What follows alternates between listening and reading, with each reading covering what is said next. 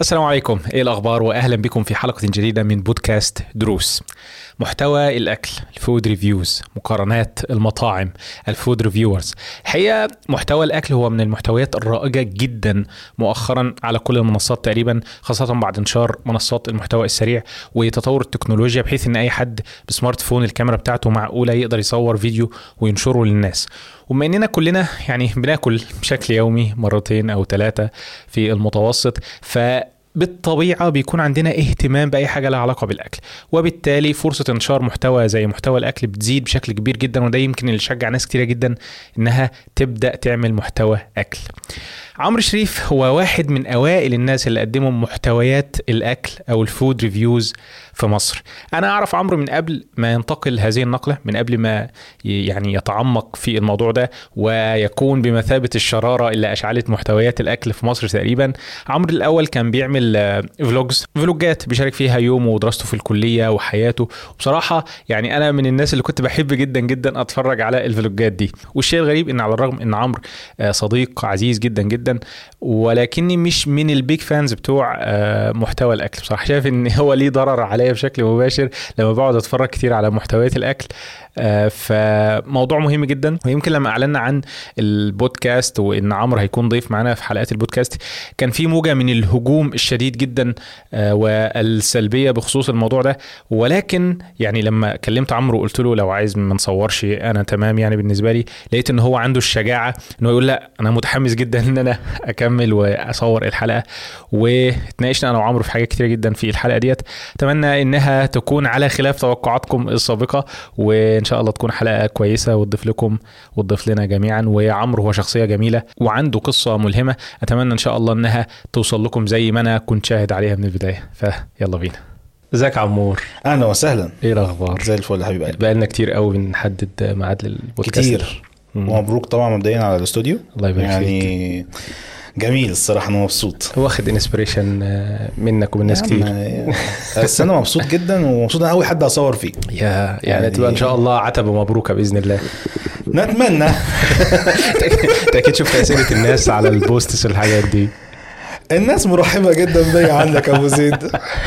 مش عارف ليه حسيت افتكرت مقولة if if you could you should if you couldn't you must.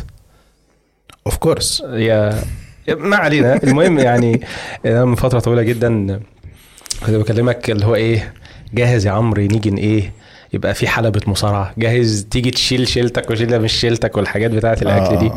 والحقيقة أنت يعني أبهرتني إن هو أنت متحمس جدا ومنفتح آه للفكرة و... وجاي فاتح صدرك ويعني مبسوط. أنا مبسوط إن إحنا هنتكلم عن الموضوع حلو. بشكل عام. حلو. تمام؟ عشان مش شايف إن في يعني هو بشكل عام ما فيهوش مشكلة. وفي اختلافات وجهات نظر طبيعي جدا بيننا فاهم؟ فأنا عندي وجهات نظر والناس بتتفرج على وجهات نظر تمام يعني بيس يعني إيه المشكلة؟ جميل جميل. طيب أنا بصراحة مش عايز أبدأ من موضوع الأكل خالص. أنا عايز أبدأ من قبل موضوع الأكل. آه قول يا باشا. لأن اللي الناس ما تعرفوش أو يمكن نسبة كبيرة جدا هو إن أنت كنت معيد في الجامعة.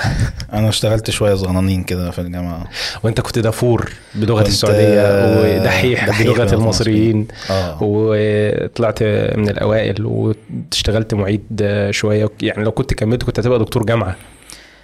ما ممكن تقول كده مش حابب المعها الموضوع قوي بس يعني أنا ما أنا ما كملتش يعني ما حبيتش أنا أكمل الصراحة.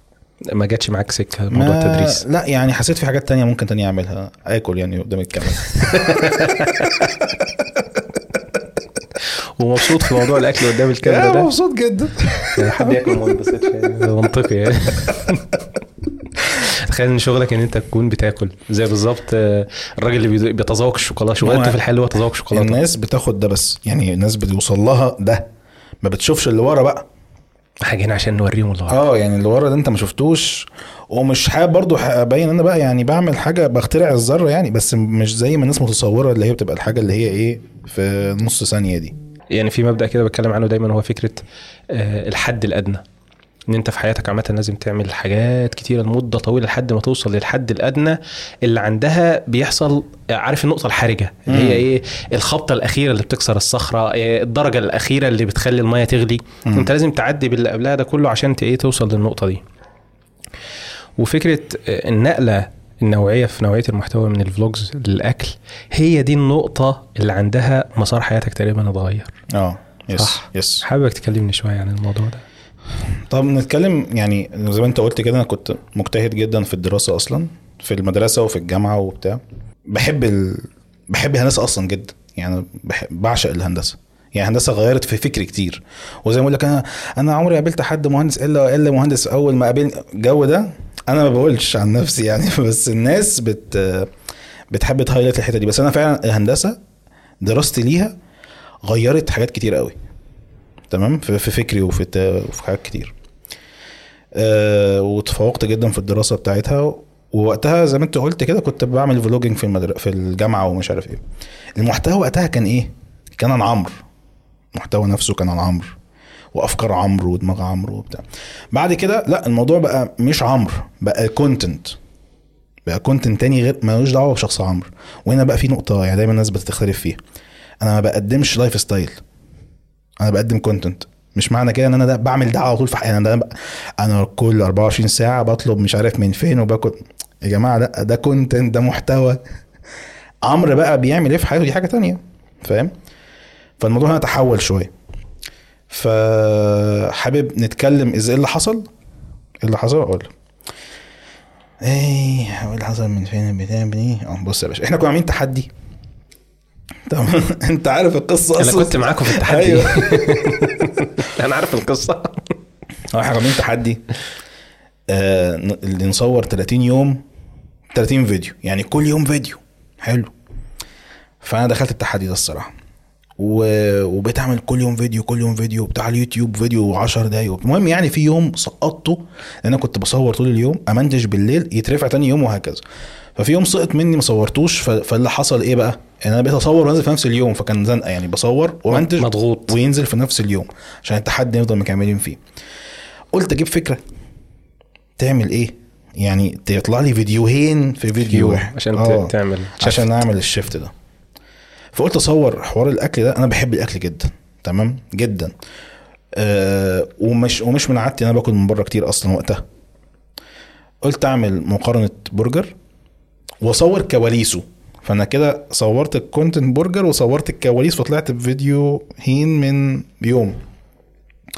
أنا في الطبيعي ما كنت بجيب مثلا كام مشاهدة؟ مش يعني كنت بجيب في range ال 5000 مشاهدة في ال في ال total يعني في الفيديو. 5000 وأنا أصلا وده بقى ده حاجة تانية تقول لك إن أنا أصلا ما كنتش داخل اليوتيوب عشان فلوس. يعني أنا ما كنت أنا كنت عامل يعني أنا أنا بتكيف لما أعمل فيديو. بحب أعمل فيديوهات. أصور وأمنتج بحب. فلوس بقى ما فلوس دي حاجة جت مع الوقت. تمام؟ فالمهم نزل الفيديو هي نزل الفيديو بتاع البرجر. جاب 10000 بعد كده بعد كام يوم جاب 20 أنا قلت الله إيه البتاع إيه ده؟ ضرب البتنجان إيه ده؟ قلت القناة عدت. نزلت الكواليس 5000 الله؟ ما عدتش. ما عدتش. الله. وكل الفيديوهات اللي بقيت أعملها بعد كده كمان أنا فضلت بكمل فلوجنج عادي كده تجيب برضه 10 5 15 5 كده. ده بقى. فضل مكمل. 20 25 50 55 70 100 ألف 200 ألف 300 إيه ده؟ إيه طار خلينا نسكيب لي مليون و700 عشان إيه؟ لو تانينا ماشيين لا كده لا يعني الفيديو مثلا في في في, في مثلا في, في شهرين ثلاثة وصل ربع مليون. آه. دي طفرة. آه يعني والارقام دي كانتش مش مش, مش بنسمعها أصلا يعني. في, زمن برضو قليل. 2018 آه. فالمهم أنا كنت لا أنا هكمل إيه؟ هكمل فيديوهات عادية وبتاع. المهم ال- النقطة كلها اللي حصلت أنا بعد كده عملت فيديو تاني عن البيتزا جاب الربع مليون دول في أسبوعين. تمام؟ برضو ما يعني مش ده اللي حصل. اللي حصل بقى أنا لما دخلت بعد ما دخلت الجيش وبتاع فأنا ما كنتش عارف أروح اصور أصور حياتي. خلاص أنا كده بقيت إيه في جانب كده أنا مش عارف اصوره. فقلت هعمل القناة كونتنت اكل لحد ما أشوف هيحصل إيه. والموضوع فتح معايا تمام؟ حاجة أنا بعملها بحبها جدا. بصور فيديوهات أنا بحب أصور فيديوهات جدا. وبحب جدا أستكشف الأكل وأجرب وبتاع ومش ده أنا أصلا كعمرو وأعتقد ده اللي نجح الموضوع. إن الناس شافت حد هو أصلا مش بيتفزلك. يعني مش واحد جاي دارس ده بيتعمل من من فين؟ وجايب الموردات منين؟ ونوع الجبنة والعيش اللي بريوش اللي بالبتاع. واحد عادي جدا زي زيك عادي جدا مستهلك عادي بيجرب الأكل وبيقول لنا رايه في الموضوع تمام؟ أعتقد ده كان أحد الأسباب اللي خلت الموضوع قريب إن ما فيهاش فزلكه وبتصور بحاجة بسيطة مش بتصور بقى بكاميرات تلفزيون بقى وإخراج ومخرج ما فيش الكلام ده. فالحمد لله الموضوع الناس عجبها الموضوع. بس وفضلنا مكملين لحد ما وصلنا دلوقتي عندنا مليون و ألف واحد تقريبا وعندنا وسافرنا ورحنا وجينا بس كده. أما قصة بصحيح الله أكبر. هو أنا بصراحة يعني آه، زي ما كنت بقول لك إن أنا كررت القصة بتاعتك دي يمكن آه، في talks في جامعات وفي كذا فيديو كان بيتكلم عن موضوع ال consistency عامة أو الاستمرارية بغض النظر. يعني الفيديو آه، بتاع أحسن برجر ده كان الفيديو رقم 92 على قناتك يعني أنت عملت 91 فيديو أنت عديتهم آه، ولا؟ آه. okay يعني ما عديتهمش والله أو أنت في اتكلمت قبل كده يعني أنت عملت 92 vlog قبل ال- الفيديو ده. فده ده رقم كبير مم. يعني ده رقم كبير يعني حتى لما حد بيسألني مثلا على يوتيوب أقول له اعمل 100 فيديو وبعدين نبقى نتكلم نشوف إيه الدنيا نشوف هنعمل إيه أصل يعني ممكن بالغلط أصلا في حاجة تعملها صح yes. يعني م- عن غير قصد يعني أنت ما كنتش قاصد أصلا إنك تتكلم عن محتوى الأكل في الفيديو ده هو كان مجرد filler حاجة أنت yes. بتعملها إيه عشان تسد معاك في الموضوع صح. صح. بس نورت لك حتة اتجمعت آه، سبحان الله ما بتتهيأ الظروف آه، الدنيا بتظبط بتظبط آه، حلو قوي. والنبيه بقى هو اللي يلقط اللي يلقط التغيرات ديت ويبني عليها. وما شاء. الله فيديوهات الأكل بتاعتك مستمرة في آه، عدد المشاهدات بشكل consistent على مدار كذا سنة اللي هو شيء مش مش منتشر قوي أو مش بيحصل قوي لأن أحيانا الناس بتستهلك الأفكار اللي عندها وخلاص. لكن انت كل شوية بتطلع فكرة جديدة. وكيل لله. ما شافش حاجة. تستضيف ناس. دلوقتي انتقلت لمرحلة البودكاست انك بتجيب الناس اصحاب Yes. المطاعم. يا. ف سام هاو بحس دايما آه، ان في آه، عقلية المهندس بت- بتدور في الكواليس. صح؟ 100% باشا أنا في فيديو فتحته من ك... عملته من سنة ولا حاجة. لقيت نفسي جايب آه، مترو بقيس البيتزا. عايز أجيب نصف قطر البيز عشان أشوف المساحة. والله العظيم قلت هو إيه أنا كنت بعمله ده؟ على فكرة أنا أنا وأنا بعد للحلقة ديت آه، رحت اتفرجت تاني على الفيديو أحسن برجر. okay. طريقة التقسيم وحساب الدرجات وهي الكلام يا باشا مفيش حد بيعمل كده. هو كله بياكل أديله 8 من 10 آه. لكن أنت حسبت عارف وقت التوصيل آه، جودة مش عارف إيه البطاطس لوحدها والبر آه، وبعدين جمعت النقاط. لا يا مهندس مهندس. يعني أكيد آه، جالك السؤال ده كتير أو آه، يعني حسيته قبل كده. هو ليه دايما المهندسين هم اللي بيعملوا career shift أو أكتر ناس بيعملوا career shift أو أكتر ناس معروفين بيعملوا career shift اولا طبعا عشان إحنا كترنا ده رقم واحد. ف... يعني الطلب علينا قل كتير. وإحنا بقينا ما شاء الله كتير جدا كمهندسين يعني ده رقم واحد. رقم اتنين لا بص أنا عايز أقول لك على حاجة آه. يعني إحنا بس إحنا إيه إحنا على المصطبة آه. فما ما, يه... ما, ما يشغلكش أي حاجة okay. آه، العدله في القعدة ماشي. يعني إحنا تخطينا مرحلة ال perfectionism أصلا okay. يعني آه يعني الحتة دي هتطلع في okay رقم اتنين عشان أنا استغربت أنت قلت في حاجة باظت ولا حاجة فقلت لا لا لا بس بتعدل رقم اتنين آم، طريقة التفكير بتخ... يعني أنت بتعمل بت system أي حاجة اي, أي الناس أصلا تعرف ت system حاجات كتير وتحط factor أو عامل آه، أمان. أمان فاهم؟ وعامل ونوصل مش عارف لكام وده الخطر مش هنعدي مش عارف من فين. فأنت ده ده الاوتوماتيك لما بتدرسه بيأثر على طريقة تفكيرك. ال concept نفسه. ال concept نفسه بيأثر بيغير. بتطبقه على بقية الحاجات في حياتك. مم. اوتوماتيك انت تقعد بقى تقول آه ودي بقى تخ... عم- دخلت المخرطة ودي واتلمعت بالشكل الفلاني وده بقى العمود ده شايل مش عارف آه ده عشان ده نزل مش ده اوتوماتيك انت بتعمل ده من غير ما تحس فاهم؟ وأنا كمان كنت كنت mechatronics. فال mechatronics هندرس كذا بعد. يعني مش بندرس حتة واحدة ميكانيكا وبنعمل مش عارف آه، كهرباء وكمبيوتر. يعني في كذا كذا عامل وخراطة وصناعة وبتاع. فموضوع كان متشعب يعني. فبحس طبعا هم دول أكتر ناس لما بيدخلوا أي مجال بيعرفوا ي system يعني بنسبة كبيرة لو حد يعني عنده العقلية الصح للموضوع بيعرف ي system نفسه بيعرف يدخل ويعرف يتعلم لأن هو اتعلم حاجات أصلا محتاجة مجهود عشان يعرف يتعلمها. فإيه يعني ما برم- marketing أتعلم marketing برمجة أدخل في البرمجة ومش عارف. هو آه، تحسه أصلا بيرمي نفسه في الحاجة وبعدين بيكتشف هو. ماشي. صح؟ آه. بي بي لا fighters يعني إن- بس أنا برضو مش حابب آخد الم... إحنا fighter وإحنا المهندسين وغير البشر. لا يعني دي برضو بحس over شوية يعني. كنت عملت thread على تويتر أيام ما كان اسمه تويتر. آه. آه يعني جه قدامي بالصدفة الحلقة ان حد عمل له repost أو حاجة زي كده. كان عنوانه آه ليه آه المهندسين آه أجدع ناس والباقي أي ناس باين أو حاجة زي عنوان آه اللي هو آه. cringe قوي آه. وبقى أنا أنا بقرأه أصلا حالا أنا كنت كاتبه من سنتين ولا حاجة عمال يعني أندهش وأنا كان عندي الدماغ إن أنا أقعد بس كان مست... كان مستثار وقتها موضوع بقى المهندسين وعمرك قابلت مهندس قال لك إن هو مش مهندس الكلام ده لازم. يقول لك إن هو مهندس آه. وي- ويذلك إن هو مهندس أيوه أنت ما تعاملنيش كده معاملة عادية okay. مهندس يعني المهم ال set of skills أو حزمة المهارات اللي أنت اكتسبتها أو طريقة التفكير من الهندسة انتقلت معاك لمحتوى للحياة. الأكل أو الحياة عامة. الحياة وال... أكيد. بعيدا حتى عن اليوتيوب. آه. أو بس هي بصراحة أنا شيء أنا قادر أشوفها قادر أشوف ممكن يعني المشاهد يتفرج على الفيديو ينبسط وخلاص لكن أنا قادر أشوف فعلا ال- ال- اللي بيدور ورا الموضوع والدماغ اللي داير الموضوع عامله إزاي. أوكي. خلينا بقى ننتقل للحتة اللي فيها الخناق. لا ما ربنا ما يجيبش خناق آه. إحنا كويسين والله زي الفل. أنا أول ما اتفرجت على فيديوهات الأكل بتاعتك اتفرج مثلا على الفيديو الساعة 2 بالليل وأنا متعشي وكله تمام ففجأة بجوع. أتفرج على الفيديو جوع فاقوم اكل بطني توجعني ما أعرفش أنام. فلقيت إن أنا بخش في cycle كده بقيت بتجنب قوي إن أنا أتفرج على الفيديوهات في أوقات معينة لأنك بشكل ما بت احفز عندك. آه. مم. أنت وصفك للاكل شكل الأكل اللقطات ال B-rolls بتاع كان بيبقى لها تأثير آه، جامد جدا يعني على فتح الشهية. وده ليه جانب كويس يعني يعني ده ده 100% ده ليه جانب كويس يعني آه، عند الناس محتاجين ده. آه يعني ده ده ليه جانب كويس. لقيت حد كاتب أنت شعورك كان عامل إزاي لما عرفت إن في ناس بتدفع بتفتح فيديوهاتك عشان تاكل؟ يعني اللي هو واحد مثلا مسافر بره قاعد لوحده آه، حاسس بالوحدة فيفتح فيديوهاتك وياكل معاك. أول مرة أكتشف الموضوع ده. مم. yes. كذا حد بعت لك بسبب كتير طبعا م- رسائل كتير مئات يعني. مم. على طول. خد بالك من حاجة. أنا قبل ما أصنع محتوى على اليوتيوب أنا كنت مشاهد أصلا. يعني عندي YouTubers كنت بحبهم جدا لهم subscribe قبل أي حاجة بقى. وتابعهم ومش عارف إيه وبتاع.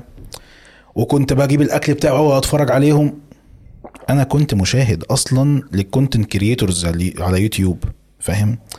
فأنا فاهم أصلا عقلية المشاهد قبل ما أكون content creator فاهم؟ مم. وده سهل عليا كتير جدا.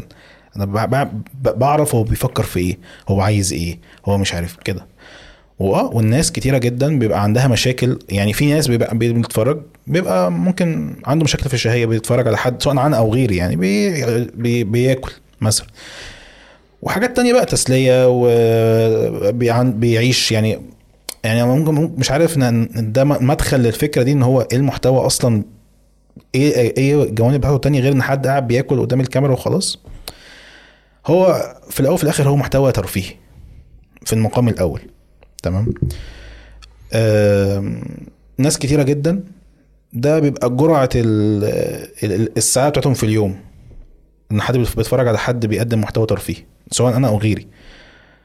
وده الحلو أصلا في كمان في يوتيوب إن الناس في يوتيوب بتختار تتفرج على الفيديو بتاعك بتختار هو ما يطلعلوش بالصدفة. مش بالصدفة. وده المنصة تقريبا الوحيدة حاليا الآن اللي المشاهد بيختار بنفسه يتفرج على إيه. غير أنت بت scroll في أي منصة تانية بيظهر لك فيديو reel مش كده. لكن انت ده انت دخلت كده باشا انت انت دايس. عشان أنا داخل اتفرج على احمد ابو زيد نزل حاجة عن عن قصد بتفرج عن قصد. عن قصد جدا فاهم؟ فناس كتيرة جدا بتدخل تتفرج عشان كده عشان هي حابة اللي انت بتعمله وبتتسلى بيه. خلاص؟ دي دي ليها جانب حلو. في جوانب تانية. آه مين هيقعد يقارن إيه؟ انت في حياتك الطبيعية تقعد تقارن مش عارف آه ليه خمسة شاورما عشان وتطلبهم عندك في البيت و... و... وتشوف سعرها و... ليه هتعمل كده هتعمل كده زي وامتى وفين؟ لا فلوس ووقت الاثنين مش بس مش بس وقت ومش بس فلوس. ففي حد بيدي لك الخلاصة في كبسولة. انت بتقعد 10 دقايق ربع ساعة مثلا فيديو لو في مقارنة يعني بتعرف الحاجة.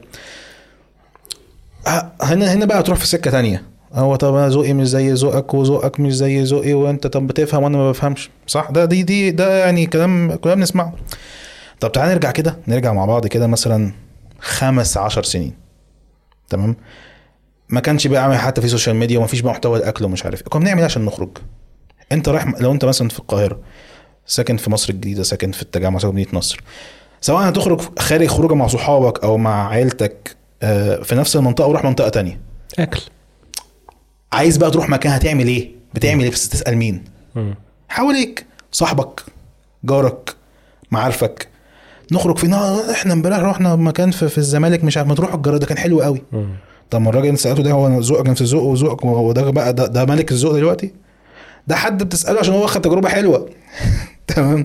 ملوش دعوة هو إيه. فالناس أصلا كانت بتعمل كده. إحنا حتى في الجامعة كانوا يقول لك آه إحنا في عربية برجر حلوة قوي فتحت مش عارف في الشارع تعالوا نروح نجربها. إحنا امبارح رحنا وكنا مبسوطين جدا. طب هنا بقى محدش كلام على الذوق. هو خد تجربة فنقلها لك فانت رحت خدتها وهكذا. اتحول على السوشيال ميديا بقى بوستات السوشيال ميديا على الفيسبوك بعد كده فيديو صور بعد كده فيديوهات والى اخره لحد ما أخذ الشكل ده. فهو طبيعي مش شرط لازم الذوق يبقى نفس الذوق. بس هي بقى الفكرة مش فكرة ذوق بس. لو هنتكلم في تقييمات هو هو في حاجة أكتر من شوية الذوق يعني فكرة الذوق. هو مش بنتكلم فكرة الأكل حلو في شوية ملح وخلاص. لا. juicy. آه مش فكرة كده بس. لو هنتكلم على مقارنات أو هنتكلم على التقييمات. لا في حاجات تانية. في آه سعر. في تعامل. في شكل packaging معين. فاهم؟ في quality ده مش محتاج ذوق. واحد مستعمل آه، أو واحد جاي طالب طالب سندوتش شاورما العيش جاي لوحده من غير الشاورما. الناس الشاورما هناك في المحل وجايب العيش. هو ده مش محتاج ذوق. الشاورما ج- سندوتش الشاورما كلها مثلا في السوق 50 جنيه مثلا هو بيبيعها ب 250 جنيه. ده مش ذوق. ده ده دي فاكتس دي حاجات موجودة.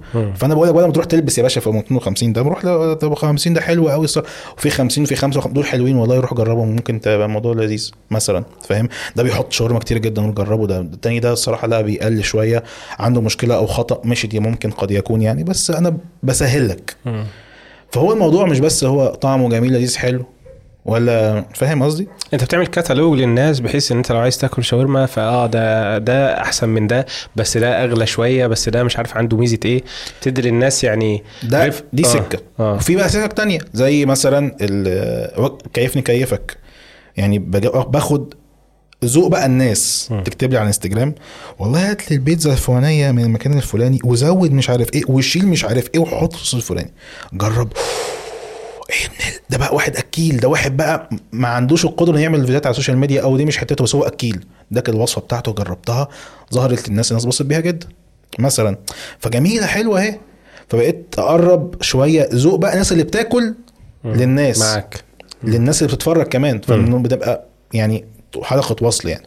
كويس. ف يعني الموضوع حاليا أو مؤخرا كمان البودكاست عايز جبت فيه عايز أجيب فيه أصحاب مطاعم. ف أنا شفت إن في قصص كتيرة جدا حلوة قوي عن المطاعم موجودة وفي خرافات وفي ناس حاجات مش عارفاها كتير. طب ما تيجي نجيب الناس دي نقعد نتكلم معاها. هنتكلم مع بعض إزاي؟ أكيد مش في حلقة ترفيهية. ده عايز حاجة كده مصطبة زي دي كده نقعد. مع بعض كده. نقعد يا باشا نتكلم. فانا مش عارف البودكاست هينزل إمتى ده؟ هينزل آه، والله أنا كمان مش عارف يعني بس هيكون نزل يعني على الأقل على الأقل في صاحب مطعم ظهر في هذا البودكاست من في الفودكاست إن شاء الله يعني. طيب يعني دي values جميلة بصراحة. يعني أنا شايف إن ديت كلها نقاط ممتازة يعني فايدة ممتازة. أنا يعني أنا بستفاد منك كصاحبي. يعني أنا إيه يا عمرو أنا في المكان الفلاني. ناكل إيه؟ آه، روح. شفت. كان جميل. كان غالي شوية بس كان جميل. آه. بص ولما كنا مع بعض يوم تاني. فين؟ مع بعض مع الشلة لما كنا آه آه كان رائع. كان رائع كان رائع. يعني ده ده أنا كفايدة شخصية من صاحبي ممتازة ممتازة. بس خليني أكون صادق معاك. أنا آه، شايف إن موضوع الأكل عامة يعني خليك تتجرد أنت تماما من الموضوع موضوع الأكل عامة وصل لمرحلة مؤذية ماشي. حقيقي يعني وصل لمرحلة مؤذية جدا جدا يعني آه، سواء الناس أدركت ده أو لم تدركه يعني آه، يعني أنا بشوف نماذج آه، لا يعني فيها تطرف جامد مم. واحد مثلا بياكل خروف مم. واحد بياكل يعني وجبة كبيرة جدا جدا واحد بياكل حاجات غالية جدا ويوريها للناس ويعني وي وي وي وي يعني يبالغ في وصفها للدرجة اللي تخلي الناس نفسها فيها بس. انت عمرك ما هت إيه ما هتاكل حاجة زي دي لا لا الايه الكريمه ولا تمد ولا تمدن عينيك لما متعنا به آه، أزواجا منهم زهره الحياة اللي هو يعني فكرة أساسا إنك بتفتح عينيك على حاجة بتشتهيها آه، وانت أصلا مش قادر توصل لها بيبقى شعور مؤذي جدا جدا يعني. آه، وحاجات كتير يعني يمكن في ناس بتوصل لمرحلة العك حتى في الأكل لمجرد إن هي تعمل حاجة إيه تجذب انتباه الناس تخليها تتفرج وخلاص. آه، طبعا في جانب كويس في ناس بتعلم الناس الطبخ. ده ده ده شيء ممتاز يعني بإن ده دي مهارة أنا حاسس إنها تندثر كمان شوية والناس كلها تعتمد على على المطاعم والتيك زي الدول الغربية وكده. لا في ناس ممتاز جميل. أنا كده كده أصلا ما بحبش المطبخ وما بحبش الطبخ وما بحبش الكلام ده كله ولكن قادر أتفهم إن حاجة زي دي موجودة ممكن تكون مفيدة. بخلاف ده في نوعيات محتوى كتيرة قوي في الأكل. مش هقول إن هي محايدة ولكن لا هي ممكن تصل لمرحلة إنها مضرة. مضرة مضرة حرفيا يعني. آه فأنت إيه رأيك في الموضوع ده؟ بص يا باشا. آه في كذا point أول point أنا لما أنا بدأت المحتوى الأكل اللي أنا بعمله ده وقتها اللي كان على الساحة كان في محتوى كان في محتوى أكل بس كان محتوى اللي هو تحديات. تعال نخلص الخر- بطتين والعقاب بنشرب زيت زيت. آه. تعالى ناكل منيو مش عارف إيه كام حاجات كده. أنا ما, ما كانش أنا كعمرو والله هو عاوز يعمل كده ربنا معاه. اعمل إيه؟ اشرب اشرب الزيت براحتك يعني ما عنديش مشكلة يعني مش مشكلة مع حد بجد يعني. okay. هو فيديو بيطلع للناس في الآخر والناس بتتلقاه وخلاص اللي عايز عايزه وبتاع. أنا لما جيت أحب أعمل حاجة زي كده أقول لا أنا عايز أنا هو ترفيهي بس عايز- أقدم value ولو ولو 1% مم. انت بتختار بتقيم بتاع مش عارف إيه بتوصل معلومة بشكل ما أو بآخر. فالناس برضه بتهاجم بتهاجم يا يا جماعة هو ده مش ده ده رقم واحد. من الناحية التانية خلينا نعتبر المحتوى ده هو زي ما هو يعني صانع المحتوى ليه مسؤولية فالمتلقي ليه عليه مسؤولية. تمام؟ العربية انت ممكن تسوقها تروح بيها مكان من مكان لمكان ممكن تبقى موت بيها حد. هنروح بقى نمسك صح انت من من عمل العربية دي يا باشا لأ. هو محتوى. هتعمله تستعمله إزاي؟ انت لازم تعرف تعمل كنترول تمام؟ وأنا حتى في البودكاست اللي كنت عملته مع كريم اسماعيل لما جه اتكلم عن آه، ان إزاي الناس ما ينفعش تقعد ده المحتوى على طول بيتعرضوا ليه. وده في الآخر هو ده ده اللي هو ده مسؤوليتك انت كمشاهد ما تقعدش على طول تتفرج على كده. دي من ناحية من ناحية إن أنت إزاي تعرف تستعمل محتوى صح سواء مع عمرو أو مع غير عمرو. ده ده بشكل عام. زي ما قلنا هي بت... أنت بتعرف تمسك الموضوع. زي ما أنت أنا مثلا أنا نايم الساعة 2 بالليل وبفتح عمرو بتفرج على على فطير. أنا الغلطان ما أنا أنا ما أنا باشا طب ما ما أنت طبيعي هت... طب لو أنت كنت لسه متعشي. آه. كنت لسه لسه واكل حالا. آه. في ناس قامت ضرباها. ممكن ما تعملوش حاجة وما يرجعش. دي- ده ده دي point point تانية مهمة جدا فكرة بقى طب آه، الفلوس. دي برضه عشان دي بوينت أنا عارف ناس كده كده بتحسسها في الحتة دي. آه هدفع إيه والدنيا إيه والجو ده. بص خلينا متفقين في حاجة. آه، آه، رقم واحد الشخص داخل على اليوتيوب ده بنسبة كبيره بنسبة كبيرة ده مش شخص معدم. بنسبة كبيرة ده شخص يعني إيه في عنده قدرة مادية ما. مختلفة بقى ايا كان عاملة إزاي. ده رقم واحد. رقم اتنين المح... الأكل بقى نفسه ده في أكل غالي في أكل رخيص. صحيح. صح؟ طيب هل الناس اللي بتتفرج عليا كلها معهاش فلوس؟ وهل والناس اللي كلها أو العكس كلها معاها فلوس؟ يعني ناس بتتفرج عليا كلهم أغنياء قوي وعايشين في فيلل وقصور لا. وال... أو الناس تانية مع ناس قاعدة. طيف واسع من الناس باختلاف. حلو. فالموضوع فيه إيه؟ في في ناس كتيرة جدا بتتفرج عليك. خلاص في طبقات كتيرة جدا. في ناس معاها فلوس ومش عارفة تروح فين. في quality معين أو في نوع أكل معين زي السوشي مثلا. ماشي؟ تمام؟ وفي ناس لأ ما أقدرش اكل السوشي ما عندوش القدرة إنه ياكل سوشي طب أنا ما قدامي مش اعمل محتوى عن السوشي؟ اعمل يا باشا. ما هو في ليه, ليه ناس عايز تسمعه؟ تمام؟ طيب هل ده بالضرورة ان إن الشخص اللي معهوش فلوس بيتاذى مش شرط. اولا أنت بتشوف حاجة جديدة. أنا ممكن ما أعرفش أجربها مثلا تمام؟ بت- بتستكشف. واحد جاب لك يا عم تجربة تشوف حاجات إيه ده؟ طب أنا أنا ببلاش جاية لك تمام؟ دي من ناحية. ناحية بقى تانية أنا أصلا وإحنا صغيرين أنا ما كان ما كنتش بقى عايش حياتي في المطاعم أصلا. إحنا طبيعتنا أصلا كنا ممكن نعمل خروجة في آخر الأسبوع مع في العيلة مع العيلة مم. ناكل بره بتاع. ده الطبيعي فاهم؟ آه ممكن كل كام يوم كده نضرب سندوتش شاورما من مكان ما. كنت عايش في السعودية كمان في الدنيا نكت يعني ف بس أنا هل بقى أنا كنت أنا مخلص منيوهات الع... فأنا ح... ما كانش أصلا يعني مصروفي ما كانش يسمح بده. فاهم؟ فأنا فاهم. وعشان كده لما بقيت الموضوع بدأ يكبر مني شوية في انواع الأكل بقيت ساعات أقول يا جدعان اللي أنا باكله ده ساعات مثلا لو كلت مثلا لحمة بريسكت مش عارف إيه بالبهارات ال- والله يا جماعة ما كلتوش مش هيفوتكوا حاجة. مش هي- مش هي- مش هيفوتك اي أي حاجة. والله يعني مش هيفوتك حاجة. ما اكلتش حتة من الجنة يعني فاهم؟ في حاجات بتبقى يعني آه، إيه آه، يونيك جدا أو مميزة قوي. زي مثلا الواجيو اللي أكلته في اليابان ده. ده ما فيش زيه بقى ما تقوليش ما ده ما جاش فاهم؟ وأنا حتى أكلته مرة يعني مش هاكله تاني عشان أروح اليابان تاني فاهم؟ عشان أكله. وتلاقيه حلال كمان ما تلاقوش بقى حر يعني فاهم؟ دي حاجات كده. بس أنت بتتفرج عليها من باب إيه؟ يعني المتعة في رقم واحد والاستكشاف. بشوف حاجة جديدة. آه ده بص شكلها عاملة إزاي مش عارف إيه. هل لازم بقول يا يا عمرو ده مش هعرف آكلها دلوقتي فأنا كده مش أنا مش بتكلم على نوعية ال ال ال الفيديوهات دي عامة. آه. لكن بتكلم عن ال extreme cases بتاعت الأكل. yes في ناس كتيرة بالك؟ بتاخد الموضوع to شد extreme البتاع ده ناحيتك شوية عشان ما يحكش في أيوه. في ناس كتيرة جدا بتاخد الموضوع to extreme فعلا. تمام؟ أيوه اللي هو الموضوع ممكن يوصل لدرجة إنها تبقى حاجة يعني تصدك عن الأكل. آه. أنت يعني في أحيانا كده آه إيه ده؟ في وده بيستفز الناس انها تتفرج أصلا. مم. تمام؟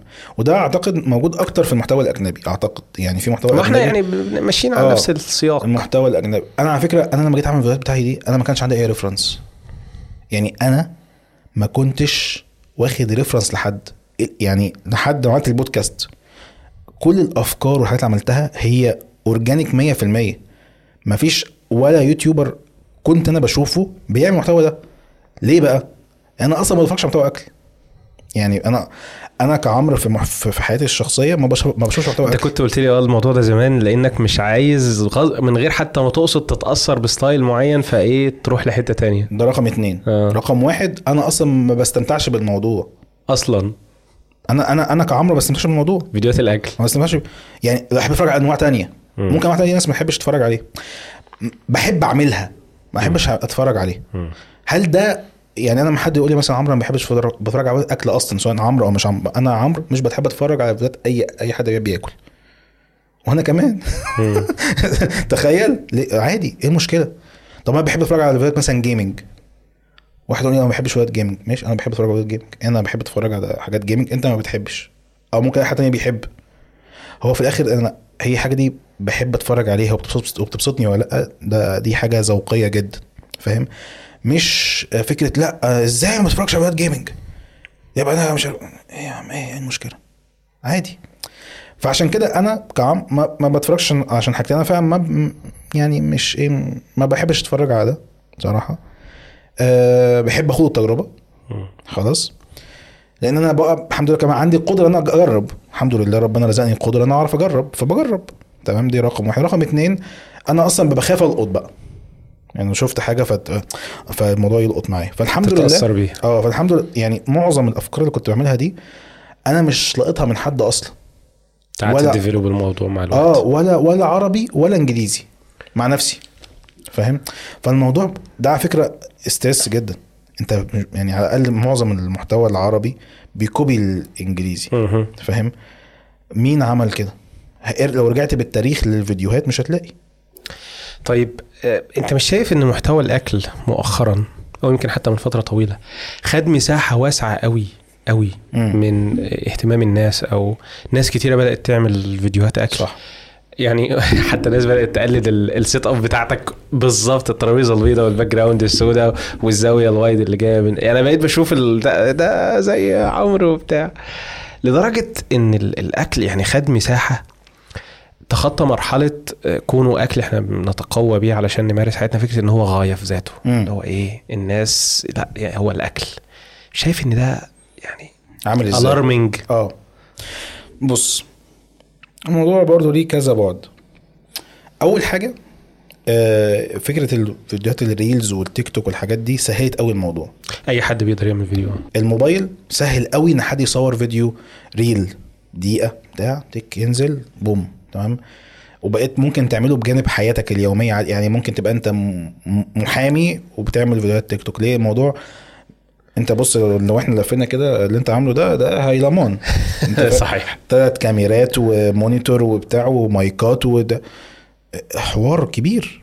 لكن انت بالتيك موبايل تيك تيك- ريك edit مش عارف إيه كده بوم طارت. حتى بت... بتعمل edit من البرنامج نفسه مش البرنامج محتاج نفسه. و music كمان موجودة جوه البرنامج تك تحط يا باشا effect ارفع هوبا طار الناس تتفرج عليه خلاص. فده م- ده محتوى موجود. وناس كتير بتستهلكه ومفيد كتير جدا ناس كتيرة جدا حاجة سريعة جدا حلوة قوي. أنا برضو يعني بجرب أعمل كده كل فترة وفترة. مش مش ده مش انتقاصا من ال- من النوع ده من المحتوى. فالموضوع بس انتشر بهذا الشكل. بس في نقطة بقى مهمة. زي ما أنا بشوف إن هو يعني حاجة آه عشان هي حاجة يعني ليه الموضوع فيه هجوم قوي الدرجة دي أو ليه مركزه معاه؟ عشان هو أصلا قريب من الناس. الناس تاكل ثلاث مرات في اليوم على الأقل يعني أو مرتين أو خمسة ساعات الناس تاكل خمسة وسناكس وبتاع فالناس أصلا بتاكل خلاص. فأنت بتاكل وأنا باكل فكلنا بناكل فيعني إيه مشكله يعني ما إيه رحت فين؟ جيت من يعني إيه الكلام؟ هو كده بيبصوا كده بالظبط. الموضوع ده بيفكرني يعني ما أعرفش جه في دماغي كده الموضوع. بلعب الكورة زمان زمان من 10 15 سنة كان في هوجة ناس كانت بتلعب كورة بقى ومش عارف إيه وبتاع. وقتها ما كانش في سوشيال ميديا فالناس كانت معظم لعبها إيه؟ كورة في الشارع. وكله عاوز يبقى لاعب كورة. خرج منهم مين؟ محمد صلاح دلوقتي. يعني ده كان من الجيل اللي بعد الخطيب وبتاع ومش عارف إيه. فوقتها كان يقول لك إيه؟ هيطلع لعيب كورة. بتجري ورا حتة جلد بلاستيك. ومش عارف فين القيمة اللي أنت ما في محمد صلاح دلوقتي مثلا. الموضوع دي قل. ليه؟ اهتمام الناس بالكورة يعني في اللعب نفسه كحياة قل. في ناس بتلعب لحد دلوقتي بس ما بقاش زي زمان. الناس حاليا بقت tablets و social media وبتاع. أنا بشوف ان الاكل نفس الكلام. اهتمام الناس بالاكل أكتر وأكتر. مع مع الناس بتصور اكل كتير خلى الموضوع فيه يعني إيه تقارب.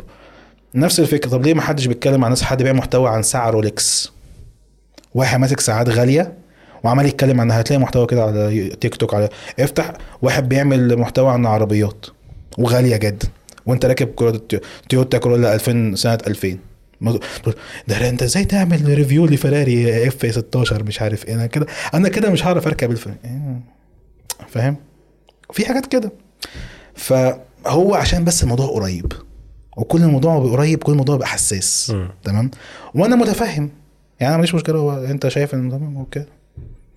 ما ما very good يعني في ناس برضو بتاخد الموضوع لل extreme. extreme آه. اللي هو أيوه اما تقف قدام ربنا هتقول له انت عملت إيه؟ هو السؤال يعني آه، هو أنا هو أنا أي حد يقف قدام ربنا يعني هي- هيتسال على شغله بس؟ يعني هو الشغل يعني سواء أنت بقى بتشتغل باباك بيشتغل أهلك بيشتغلوا هو الشغل بس اللي بت- بتعمل حاجة في الحياة؟ مفيش حاجة تانية بتعملها في الحياة؟ ولازم أقول بقى. والله أنا اتبرعت بمرسيدس مرسيدس مش عارف وعملت بيها. أنا بعت لصندوق مش عارف إيه ب 55 لازم تطلع تقول كده عشان الله بص الراجل. بقى فاعل خير كبير جدا في المجتمع. وحول الفلوس دي مش عارف لفين لازم أخلص محتوى الأكل بتاعي وآخد البتاع إيه أقفله وأوزعه على الناس وأصور واخفي الوشوش. بص عمرو بيخلص عمرو خلص المحتوى بتاعه بتاع الأكل وراح نزل وزع على الناس. هو أنا أنا لو قلت أصلا ده برضو مش صح. أنا أقول كده. أنا ممكن بعمل كده بس أنا لازم أقول كده. لازم أقول أنا أنا أظن هو يمكن هي فكرة عدم استيعاب إن ده شغلك دلوقتي. yes 100% يعني ده ده مصدر دخلك آه. ده شغلك. دي حاجة أنت معتمد عليها بشكل كلي.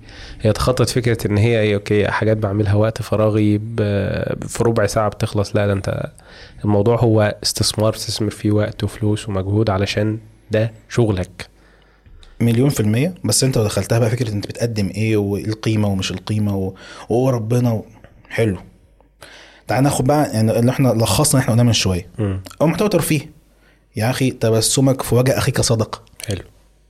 ده رقم واحد. تمام؟ محتوى ترفيه. رقم اتنين أنا لو هقول لك على كمية الحمد لله يعني توفيق عند ربنا الناس ال- أو المطاعم اللي بتستفيد من ورا الريفيو لا أنا هو ما دفعش فلوس أصلا في المقارنة قد إيه مفيد؟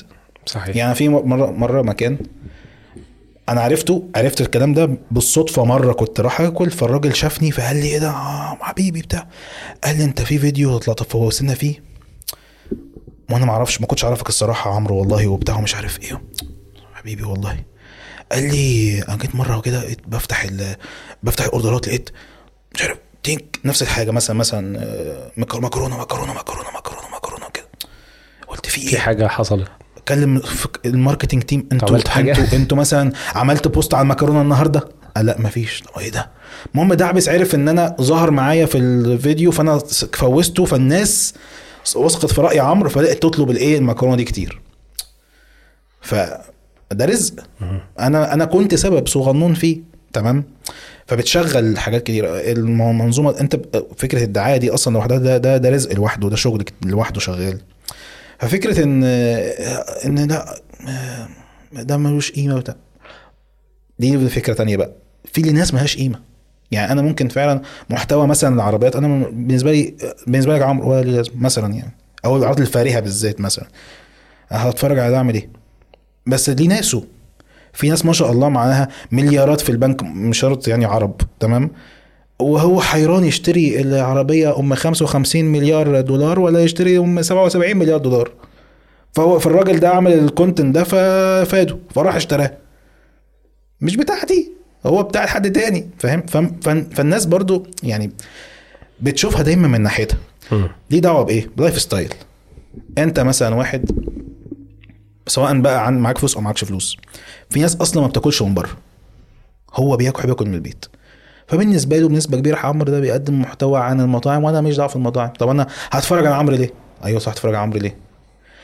وفي ناس ما بتاكلش أكل من المطاعم وبتتفرج على عمرو عشان هو بيحب يتفرج على عمرو يحب عم- عمرو بيقدم كونتنت ترفيه بيتفرج عليه. حتى هو مش بياكل يعني ناس تقول لي أنا ما باكلش المطاعم دي. أنا في ناس أصلا بتتابعني بره مصر.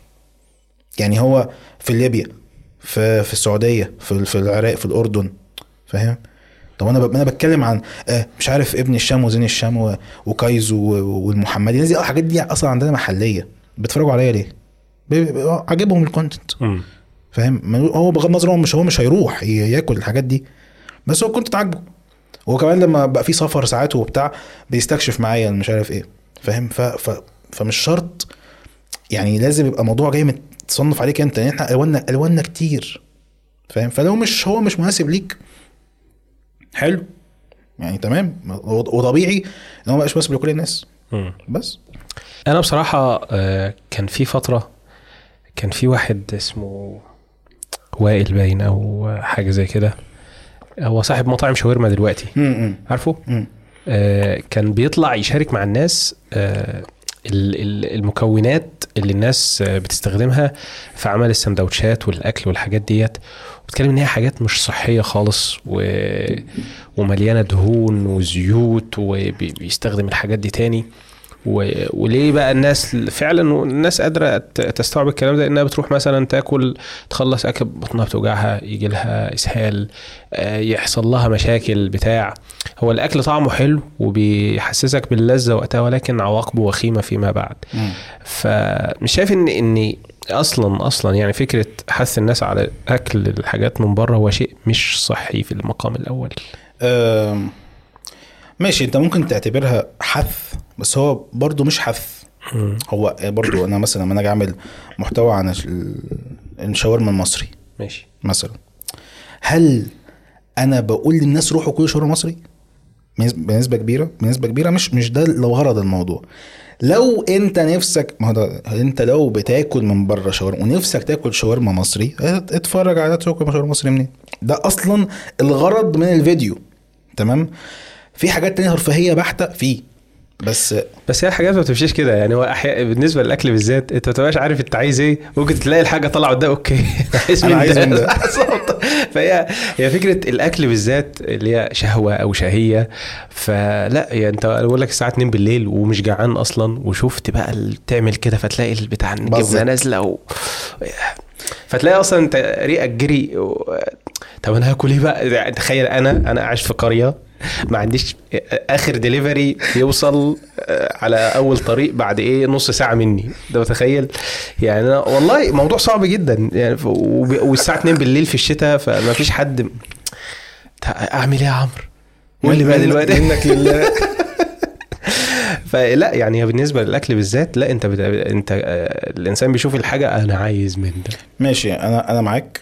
بس هو مش ده الغرض منه الأساسي مش أنا عارف مش إن أنت مش ده قصدك آه، مش- بس هو ده يعني هو ده موجود ضرر جانبي ده للموضوع. موجود بس مم. مش ده مش ده الهدف إن أنا اشهي الناس الحاجة المعينة دي مش شرط خالص. خد بالك من حاجة مهمة برضو إن أنت مش أنت برضو بتقول أنت يعني مش مش كل الناس برضو زي كده في قرية أو بتاع. آه ناس مؤخرا ال lifestyle بقى أصلا معظم أكل من بره. أصلا. يعني معظم البيوت.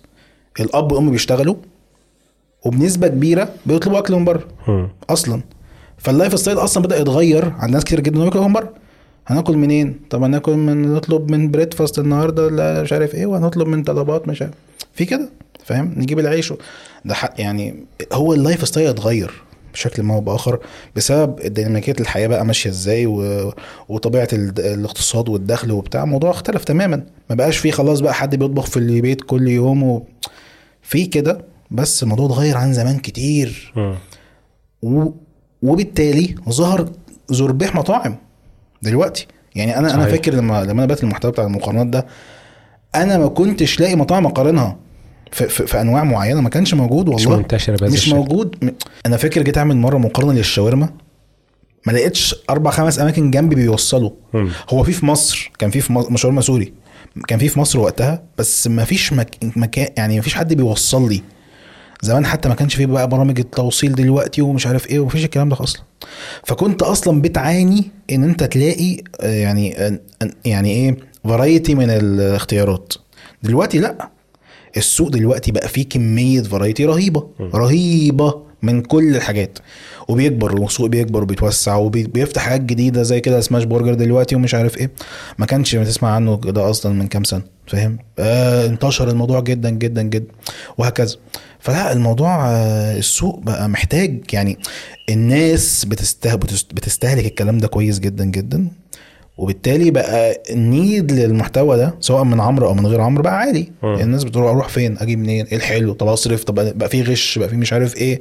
وهكذا يعني. أنا بصراحة يعني بالنسبة للأكل بره عامة أنا ما باكلش بره إلا مضطرا. وفي نفس الوقت يعني المكان اللي باكل فيه مرة وبطني ما توجعنيش وما يحصلش مش بس تمام هو انت. حبيبي خلاص بغض النظر يعني. ببقى قلقان قوي لأن يعني زي ما قلت لك آه، وائل لو فاكر اسمه صح يعني الحاجات اللي كان يعني وقامت عليه مافيا وعملوا له مشاكل وحوارات يعني خاصة كمان برضو إن الاهتمام بالصحة الهيجين أو النظافة بتاع المكان أو نظافة الناس.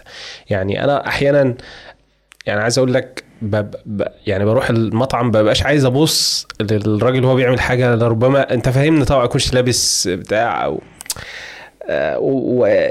يعني ما اظنش برضو ان ال... ال- الهيجين أو النظافة العامة بتاع المكان ما تبقاش على أولوية آه، صاحب المطعم أو مدير المطعم ما دام المطعم شغال وبيبيع. الأغلب آه. آه يعني مش حاططها أولوية لأن مفيش آه، نوع من الايه يعني لما رحت السعودية مثلا ما شاء الله قدام كل مطعم لا أرقام مش عارف وزاره الصحة اللي هو ست أرقام كده اللي هو إيه أنت بس لو في حصلت لك أي حاجة اتصل.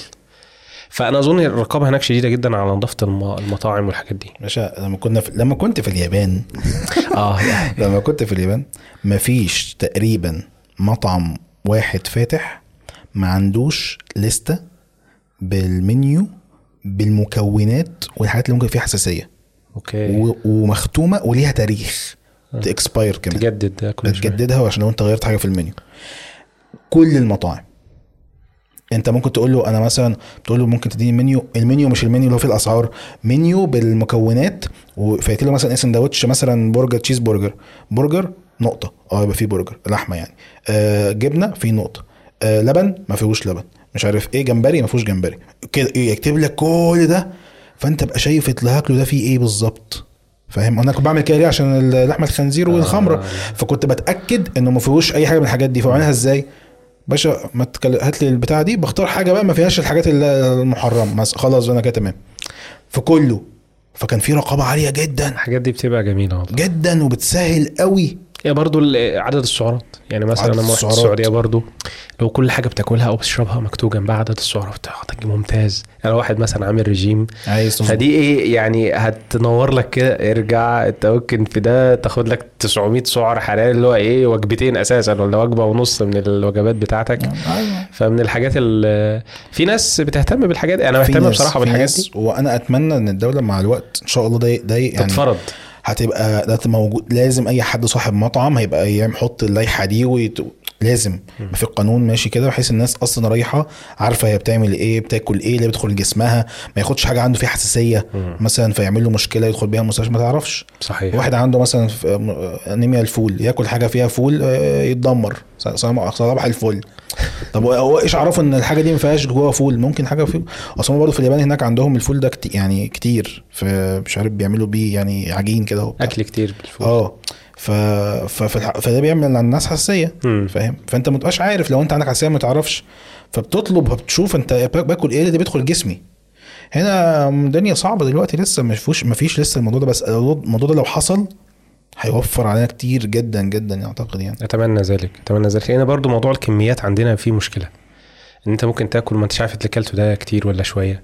خاصة كمان في فيديوهات كتيرة بت بت إيه بتشجع على موضوع الكميات. آه. في واحد جاب كميات كبيرة جدا قدامه. يعني إحنا كنا بنتكلم لما الكاميرا فصلت على الناس اللي بتجيب أكل جوه العربية وكميه كبيرة وبياكل. فأنت لفت نظر إن هو مش بياكل كله هو بياكل ممكن ياكل حتة والباقي إيه ي- ي- أوبا. بالظبط كده بيعمل قبة. يرميه يرميه ورا ظهره آه، بس يبان إن هو كل الأكل ده كله الأكل آه. اللذيذ ومن حلاوته كله كله فده تشجيع على الشره يعني لو اتفرجت على فيلم ناس كده. 7 كانت الشره أو حب الأكل يعني من ال آه الفيلم ده من السيفن سينز يعني أو من الخطايا آه. السبعة ف. أنا. بصراحة يعني مجمل مجمل كده زي ما بقول لك أنا فيديوهات الأكل آه ليها ليها فايدة وليها قيمة. آه لحد بيدور على مطعم كويس لحد بيشوف المنتج ده حلو ولا لأ قبل ما يشتريه. آه بتساعد ناس لو هو مسافر بره حد يفتح الفيديو. زي, زي ستاد ويز مي كده يعني أظن هي نفس ال- الكلام. بس من الناحيه التانية شايف إن هي يعني تدعو للأكل كتير من بره تدعو للشراهه ومشكلتي زي ما قلت لك مع المطاعم عامة هنا هي في موضوع المكونات والأكل والنظافة ما هياش أفضل حاجة. مم. حتى لنا أصحاب لهم فكرة مطعم لما جابوا حاجات صحية وحاجات كويسة التسعير ما ظبطش معاهم والموضوع انتهى بيهم إلى إيه؟ إن هم قفلوا المطعم. فمش عارف يعني أنا برضو قرأت كتاب عن الأكل الحاجة اللي أنا طلعت بيها اللي هو تكونش حاجة بره آه يعني قدر الامكان أنا عن نفسي بحب أنا عن أنا كعمرو ب... ب- بنسبة كبيرة بحب اكل أكلنا في البيت. يعني مم. أنا بحب يعني عشان بعرف أتحكم بحاجات كتيرة وحتى حد طبخ في البيت بتحكم في المكونات وفي النوع تعرف إيه اللي بيتحط في الأكل؟ بعرف إيه اللي داخل وإيه اللي خارج ويعني تمام فالدنيا معايا مظبوطة. فأنا أنا نفسي بحب عن نفسي كده. بس في حاجات أنت لازم تاخدها من بره. زي مثلا البيتزا مثلا محتاجة فرن معين بدرجة مش عارف إيه عشان تطلع بالشكل ده خصوصا البيتزا النابوليتانا اللي هي فاهم؟ يعني محتاجة كده شغل معين بحيث تطلع كراستي من بره كده ومش عارف إيه فاهم؟ في حاجات كده فاهم؟ آه لكن في حاجات تانية لا آه هتاكل brisket مثلا برضه أصل الحاجات دي برضه حساسه حاجة تحط مش عارف في الفرن قد إيه عشان تبقى دايبة في الآخر و... ده هتعمله في البيت آه، يعني مش مش الطبيعي. وزي ما قلت لك هو اللي فرض علينا الحوار ده بنسبة كبيرة إحنا ال lifestyle. بس ده الخلاصة يعني. style الحياة بتاعتنا. قبلك قبل كده ناس من مطاعم ما بياكلوش من المطعم اللي هم شغالين فيه؟ لا كل اللي بقول أنا باكل المطعم بتاعي طبعا. لما عيالي بياكلوا من هنا الكل بيقول كده. لا لا ما أعتقدش في أنا أصلا برضو ما, ما رحتش لل dark side أنا معظم الناس اللي بقابلها أصحاب مطاعم معظمهم ناس أصلا بتقدم حاجة حلوة في المطعم بتاعها. ما قعدتش مثلا مع حد صاحب مطعم تحت بير السلم كده فبيقول لي أنا ده بقى كل الزباين بس أنا ما باكلوش. ما يعني ما قعدتش مع حد كده بس كده الصراحة. فكرت قبل كده تفتح مطعم؟ آه يعني ما فكرت أفتح بيزنس مطعم مش مطعم ده ما أعتقدش ممكن. يعني فكرت في حاجة بس فكرت في فكرة لو هعمل كده كنت هعمل حاجة مختلفة قوي. يعني حاجة ما حصلت- ما حصلتش بس كلها أفكار. هيجي في يوم ممكن هيجي في يوم أعمل في, قاعدة منتشرة كده بتقول إن اللي بينقد ما بيبنيش. الذي ينقد لا يبني. اللي هو الإنسان يعني مثلا نقد السينما ما تلاقوش بيروح آه. يعمل فيلم ما يعرفش يعمل فيلم. هو مهنته إن هو ينقد يطلع الكويس من الوحش لكن ما يعرفش يعمل الكويس. ما أعرفش آه بس أقدر أقدر أتعلم. آه. يعني أتعلم وأعمل أو أشارك حد يعرف يعمل ده فاهم؟ بس هي فكرة مش كده. أنا فكره أنا أنا عايز أعمل بيزنس ما في يوم في يوم ما ما هو مش عارف. آه، قد يكون مطعم قد يكون أو قد لا يكون مم. بس لكن إمتى وإزاي ولسه مش أنت ما زلت معتمد بشكل كامل على يوتيوب والمحتوى اللي آه بتقدمه السوشيال ميديا إلى. الآن 100% nice. مركز فيها كل حاجة عشان كده عمال تلاقيه عمال اكبر أعمل الاستوديو بعد كده البودكاست بعد كده مش عارف عايز أعمل ما شاء الله وأسافر أنا. عاجبني يعني والله بجد يعني عاجبني التطور اللي بيحصل لأني أنا شاهد على الرحلة من البداية آه يعني هو فاكر أول مرة اتقابلنا فيها في معرض الكتاب فاكر يا عارف كان عندك كام؟ كان عندك كام subscribe 250 ألف صح آه. آه. ف شاهد على الرحلة والنقلة والتطور والكاميرات وجبت wide angle جبت مش عارف سوني وبتاع. طبعا الكلام ده ممكن ما يهمش الناس اللي في نهاية المطاف تتفرج على الفيديو. ممكن أصلا الناس ما تحسش إن في فرق. ولكن أنا شاهد على الرحلة يعني. وبمناسبه اليابان جه في دماغي concept كده الكتاب اسمه ikigai كونسبت ياباني إن الإنسان آه، يكتشف الحاجة اللي هو المفروض يعملها في الحياة. كلام كبير شوية. ولكن هي عبارة عن تقاطع عدة دوائر. الحاجة اللي أنت بتعرف تعملها بتعرف تعملها. مع الحاجة اللي انت بتحب تعملها. مش شرط على فكرة انهم الاثنين يكونوا نفس الحاجة صح. ولكن هي تقاطعات. مع حاجة الناس ممكن تدفع لك فلوس عشان تعمل قصادها. مع كذا تقاطع لحاجة تانية كده برضو. فأنا أظن أنت بشكل ما وصلت للخلطة دي. أنت بتحب تتكلم عن الأكل. وبتحب تعمل فيديوهات وممكن يجيب لك مقابل قصاد الحاجات دي فلقيت انت ال sweet spot وعشان كده انت ما شاء الله مكمل. معظم الناس ممكن هي مكتفية بالترابيزة وال background ال dark وتعالى اوريكم حاجات exotic هو كتير ما بيكملوش. ليه بقى؟ آه ده سؤال مهم ده. ليه الناس ما بتكملش؟ ليه؟ هقول لك ليه. لأنه اولا عشان يعرف ينجح. محتاج يستمر فترة طويلة جدا. مم. مش كتير بيعرف يستمر فترة طويلة. طب ليه مش فتره طويله في اليوتيوب بالذات مش بتكلم عن المحتوى بشكل عام. لأن اليوتيوب اولا مهلك في الإنتاجية. مش فيديو زي زي ما قلنا كده تيك توك أو reel سهل تطلعه حتى لو شكله حلو بس سهل تطلعه. لكن اليوتيوب لا محتاج كاميرا ومونتاج ولينيا و... ليه. ستاندرز أعلى بكتير ليه ستاندرز. حوار كده؟ بكده طبعا الفيديو الطويله مش ال shorts حتى. مم. فده ليه ليه سكة؟ فده ده صعب ده, ده مهلك. تاني حاجة العائد منه لازم تجيب منه مشاهدات كتيرة خصوصا لو من مصر عشان تبدأ تحس بالإنكم. تمام؟ دي لك دافع إنك تكمل. عشان تفضل مكان مفيش إنكم. فأنا هقعد أعمل كده يعني هعمله كده وخلاص مفيش إنكم. هقعد أعيش آكل منين؟ فده نقطة تانية. النقطة الثالثه بقى الاستمرارية. يعني حتى لو جت فلوس طب أنا في أفكار بدأت تتحرق طب مش عارف إيه طب هكمل. فاللي هو ما عندوش القدرة إن هو يفضل مستمر في الريفيوز ويكمل مش ال reviews بقى في ال content أصلا بشكل عام ويطور منه ويجيب أفكار هي هيموت. الناس بتبدأ يعني تفقد الاهتمام شوية شوية من بالمحتوى بتاعه. فال views تقل فالفلوس تقل فالمجهود اللي بيعمله العادي ده بي ما بيلاقيش قصاده- مقابل. ف- في خلاص ي quit أنا يقول لك أنا صباح الفل أنا كده إيه شوف حاجة تانية اعملها عشان كده الموضوع مش سهل. ولو سهل كان كله عمله. أنا أنا متفق معاك جدا لأني أنا بشوف ده كل يوم يمكن في ناس بتسألني عن البدء على يوتيوب وإن الموضوع صعب وإن أنا بقالي كتير جدا. آه بعمل فيديوهات. عملت عشر فيديوهات ولكن مفيش حاجة أو عمل مفيش 10 فيديوهات؟ ف... ف... فسبحان الله ال- يعني فعلا يوتيوب مختلف قلبا وقالبا عن أي حاجة تانية. يمكن موضوع ال shorts مؤخرا كده في الهوجة اللي حصلت بتاعه الفيديوهات القصيرة وال shorts وال reels والكلام ده كله. ولكن أنا أظن في مرحلة ما قريبة برضه هيكتشفوا إن الموضوع ده مش مجدي. الموضوع ده مش مفيد ومش مجدي ومفيش أي عائد من وراءه لا لصانع المحتوى ولا للشركة اللي موفرة لك الخدمة ديت. ليه عائد صنع المحتوى؟ بشكل غير مباشر اللي هو بتدي exposure فالناس ممكن تعمل منه لا إعلانات. مع لسه الإعلانات مش مش لاقيين لها format معينة تظبط. من كلاينتس من كلاينتس إزاي؟ هو الناس هو إيه اللي إيه اللي منجح ال shorts دلوقتي؟ إيه؟ وخصوصا بتوع الأكل يعني. مم. إن هو بيعمل اعلانات للمطاعم. أيوه ما أنا بقول لك بشكل غير آه. مباشر من دعاية. آه آه دعاية إن واحد ي contract خد ال product آه ده بالظبط. أعمل له sponsorship أو حاجة زي كده يعني. آه، وده business model ناجح جدا. مم. ناجح جدا.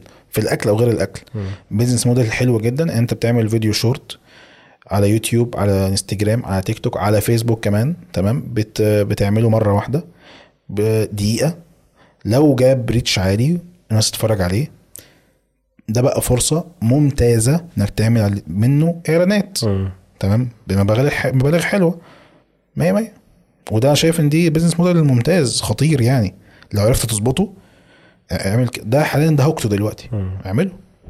مش عارف هل الموضوع ده يكمل موضوع ال shorts وال reels والهوجة اللي حاصلة دي؟ آه. واضح إن هو قاعد معانا شوية. مكمل حبتين. وأنا أنا حبه أنا كعمرو حبه أنا في الأول ما كنتش مستصيغه قوي. مش إن هو بيعمل حاجة عكس أنا بعملها. أنا بعمل حاجات طويلة وبالعرض وهو بيعمل بالطول وز... يعني مش كده. بس آه، ما كنتش بستهلكه أصلا في المقام الأول. لما بدأت أستهلكه بقيت أفهم عقلية المشاهد. مم. تمام؟ وإزاي هو بيستفيد من ده. سواء برضه بكلم محتوى بشكل عام مش أكل. ففي الاستفاده منه إزاي؟ أنت بتاخد حاجة معينة في, وقت قليل جدا بسرعة. مم. وأنا فعلا بقيت لما أجي أعمل search عن حاجة يعني مثلا مثلا shorts أو reels آه يعني مثلا أنا في الفوتوشوب مثلا في حاجة معينة. في ح- في tool في الفوتوشوب عايز أمسح مش عارف إيه. لما أجي أكتب البتاعة دي يطلع لي شورت بدل ما أقعد أتفرج على فيديو 10 دقايق بيشرح لي عشان نوصل لحتة في الأداة دي شورت يا باشا 30 ثانية. تك تك تك ومسحت البتاع. خلصت. لا. يعني يوتيوب أصلا بي push الموضوع Yes. ال shorts ده اللي هو بتفتح تلاقي دلوقتي سواء carousel أو مش عارف إيه آه. أربع shorts كده في- قدامك أول حاجة اللي هو يا للهبل وأعتقد أعتقد دلوقتي تيك توك كمان عليه search engine مرعب على حوار الحاجات. يعني أعتقد أنت دي هو يوتيوب أفضل search engine بعد جوجل يعني. أو تاني search آه. engine بعد جوجل. بس أنا أعتقد إن تيك توك دلوقتي بقى عنده search engine مرعب. إن الناس أنا مثلا لو أنا ماسك في لعبه بلعب مثلا game معينة في مرحلة ما مش عارف أعديه أو في حاجة مش عارف أفهمها باخد اسم الحاجة دي أحطها على تيك توك فيديو 30 ثانية يعمل لي يحلها لي. بس. زمان كنت تعمل إيه؟ تدخل تشوف حد gameplay بيلعب عم منزل فيديو مثلا نص ساعة على يوتيوب عشان تدخل تشوف هو الحد دي راحت فين. ما ده برضو كده بتسهلك الدنيا بالظبط. point كده تروح عليها على طول. ما ده ما كانش موجود زمان. فاهم؟ فهو اللي هيدخل في السكة دي مفيد جدا وتعرف تعمل منه content محترم جدا وكبير جدا م- متاح. يا باشا عيش. ممكن حد لو لو خدنا مثلا كمثال الف- الفوتوشوب. مثالا يعني واحد عمل كل الحاجات دي في shorts صغيرة كتيرة كتيرة كتيرة كتيرة كتيرة وبعد كده باشا عمل كورس وباعه. business محترم جدا. مم. عمل exposure حلو جدا ليه. الناس كده بقى حبت المحتوى بتاعه. طب الراجل شاطر جدا في الفوتوشوب. طب الراجل ده نزل كورس نشتري الكورس بتاعه. حلو. بس خلاص. جميل. هل هل شايف نفسك يعني ممكن تعمل فيديوهات تاني غير الأكل؟ أنا مش شايف نفسي خالص أنا ما بشوفش نفسي. يعني أنت شايف نفسك كده في الشاشة دي.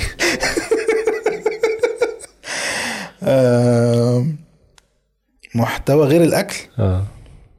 ممكن آه. إيه هو أنا؟ إيه هو المحتوى؟ ولا لسه مش؟ ولا أنت عندك يعني ال- القابلية لحاجة زي كده؟ زي ما شفت مثلا من الفلوجز أنا ممكن أعمل محتوى اللي أنت عايزه أعمله. يعني عربيات اعمل ما أعرفش اعمل لك عربيات. اصل آه أقول لك أصل الموضوع إيه. أنت فهمت التيتا. تيتا بس أنا أظن يعني لازم يبقى عندك يعني حب للحاجة اللي بتعملها. أنت قصدك عشان أنجح فيها. دي حاجة تانية. أيوه طبعا أنت تعمل حاجة عشان ما تنجحش. أنت بتقول لأ هعمل content هينجح مش هينجح؟ دي حاجة تانية بقى. بس يعني مم- ممكن في يوم من الأيام فعلا محتوى الأكل تقول okay that's enough آه طبعا. move آه. يعني خلينا ننقل لحاجه تانية. أكيد مليون في المية. ما عندكش مشكلة خالص في الموضوع ده؟ لا لا لا. ممتاز. أعتقد هيجي هيجي وقت لأي حاجة. باشا لعيب الكورة. مش بيلعب فترة طويلة بعد كده بيعمل إيه؟ بيعتزل. بيبقى محلل. محلل. أو مقدم برامج أو مذيع. مقدم برامج. أو داخل جهاز فني مم. في الإدارة. أو في لا مع مع المشارك إحنا إحنا إحنا يعني في يوتيوب لسه أنا اظن ان ال- الانتقالات بتاعتنا هي انتقالات إيه آه، متتالية ما هياش متصاعدة. يعني على المحتوى الأفقي ماشي على المحتوى الرأسي. يعني ما فيش حد إيه بيترقى ان انت في يوتيوب كذا اترقيت بقيت في ماسك كذا اترقيت لا يعني انت بتعمل محتوى معين وبعدين بت skip أظن زي بالظبط نقلة العربيه ال manual كده اللي هو جبت آخر التالت فبتنقل على الرابع. يعني مش عارف سؤال برضه حلو- يعني مهم بالنسبة لي. هل تظن إن محتوى الأكل ممكن يوصل لمرحلة مثلا زي محتوى ال tech اللي هو إيه فقد بريقه إلى حد ما أو الناس ما عادش مهتمة قوي الموبايلات والتليفونات وال... وال laptops وصلت لمرحلة إن الفئة المتوسطة بقت قوية قوي الناس ما بتغيرش كل شوية؟ بقت الحاجات بت... بتقعد معاها مدة طويلة؟ آه، بتتكلم محتوى التك في مصر؟ في مصر آه. ما مش مش حابب يعني حوار حوار التك في مصر أنا شايف إن هو ليه كذا بعد. يعني أنا كنت بحب محتوى التك محتوى. التك يعني كان كان في مرحلة من المراحل بيوصل إن هو ترندنج على طول. أنا شايف إن في في مشكلة مشكلتين. أول حاجة طبعا في وضع اقتصادي ده مختلف إحنا مش هنعرف نتحكم فيه. ماشي ك content creators يعني. ده نقطة. النقطة الثانية رقم واحد أنا شفت شايف إن إن أصحاب المحتوى هم ظلموا شوية المحتوى.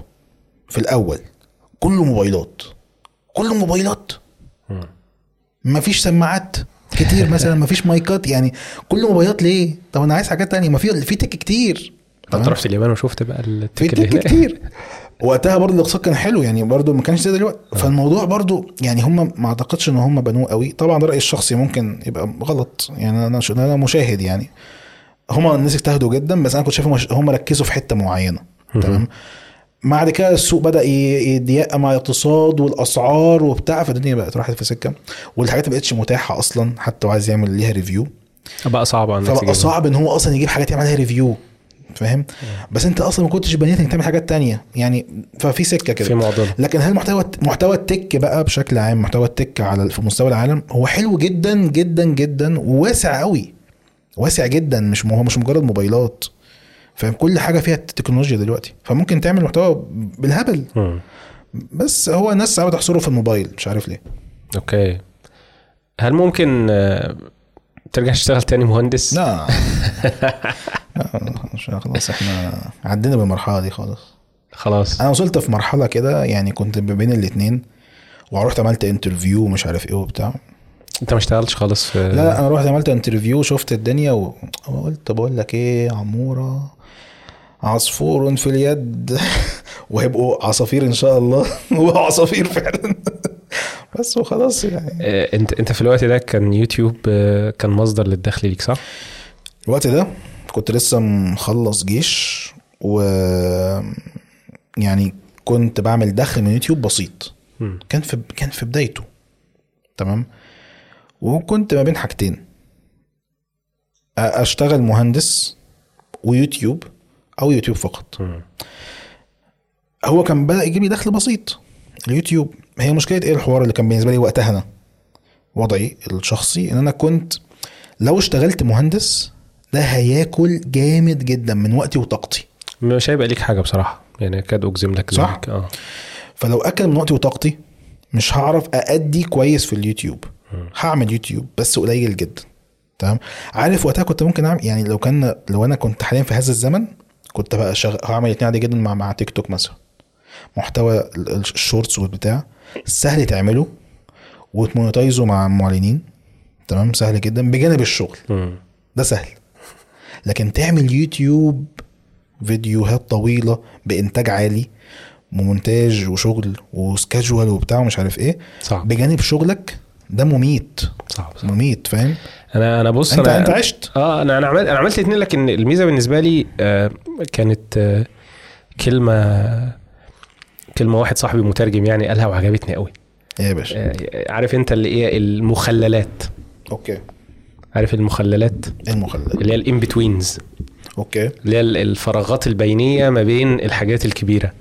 يعني أنا بالنسبة لي في شغلي كان في أوقات فاضية كتير ومفيش أي حاجة تتعمل لأن أنا قاعد في الصحراء in the middle of nowhere وفي نفس الوقت كنت باخد أجازة خمس أيام على بعضهم أجي فيهم هنا. ففي المخللات اللي كانت بعد الشغل بقعد أكتب أفكار فيديوهات ومش عارف إيه. أجي هنا أصور الفيديوهات أروح هناك أمنتج الفيديوهات. فبشكل ما مشيت. كانت بتعديني كده كانت بتمشيني. وبصراحة كانت ملجأ رائع بالنسبة لي يعني كانت كانت مدية لحياتي معنى وقتها.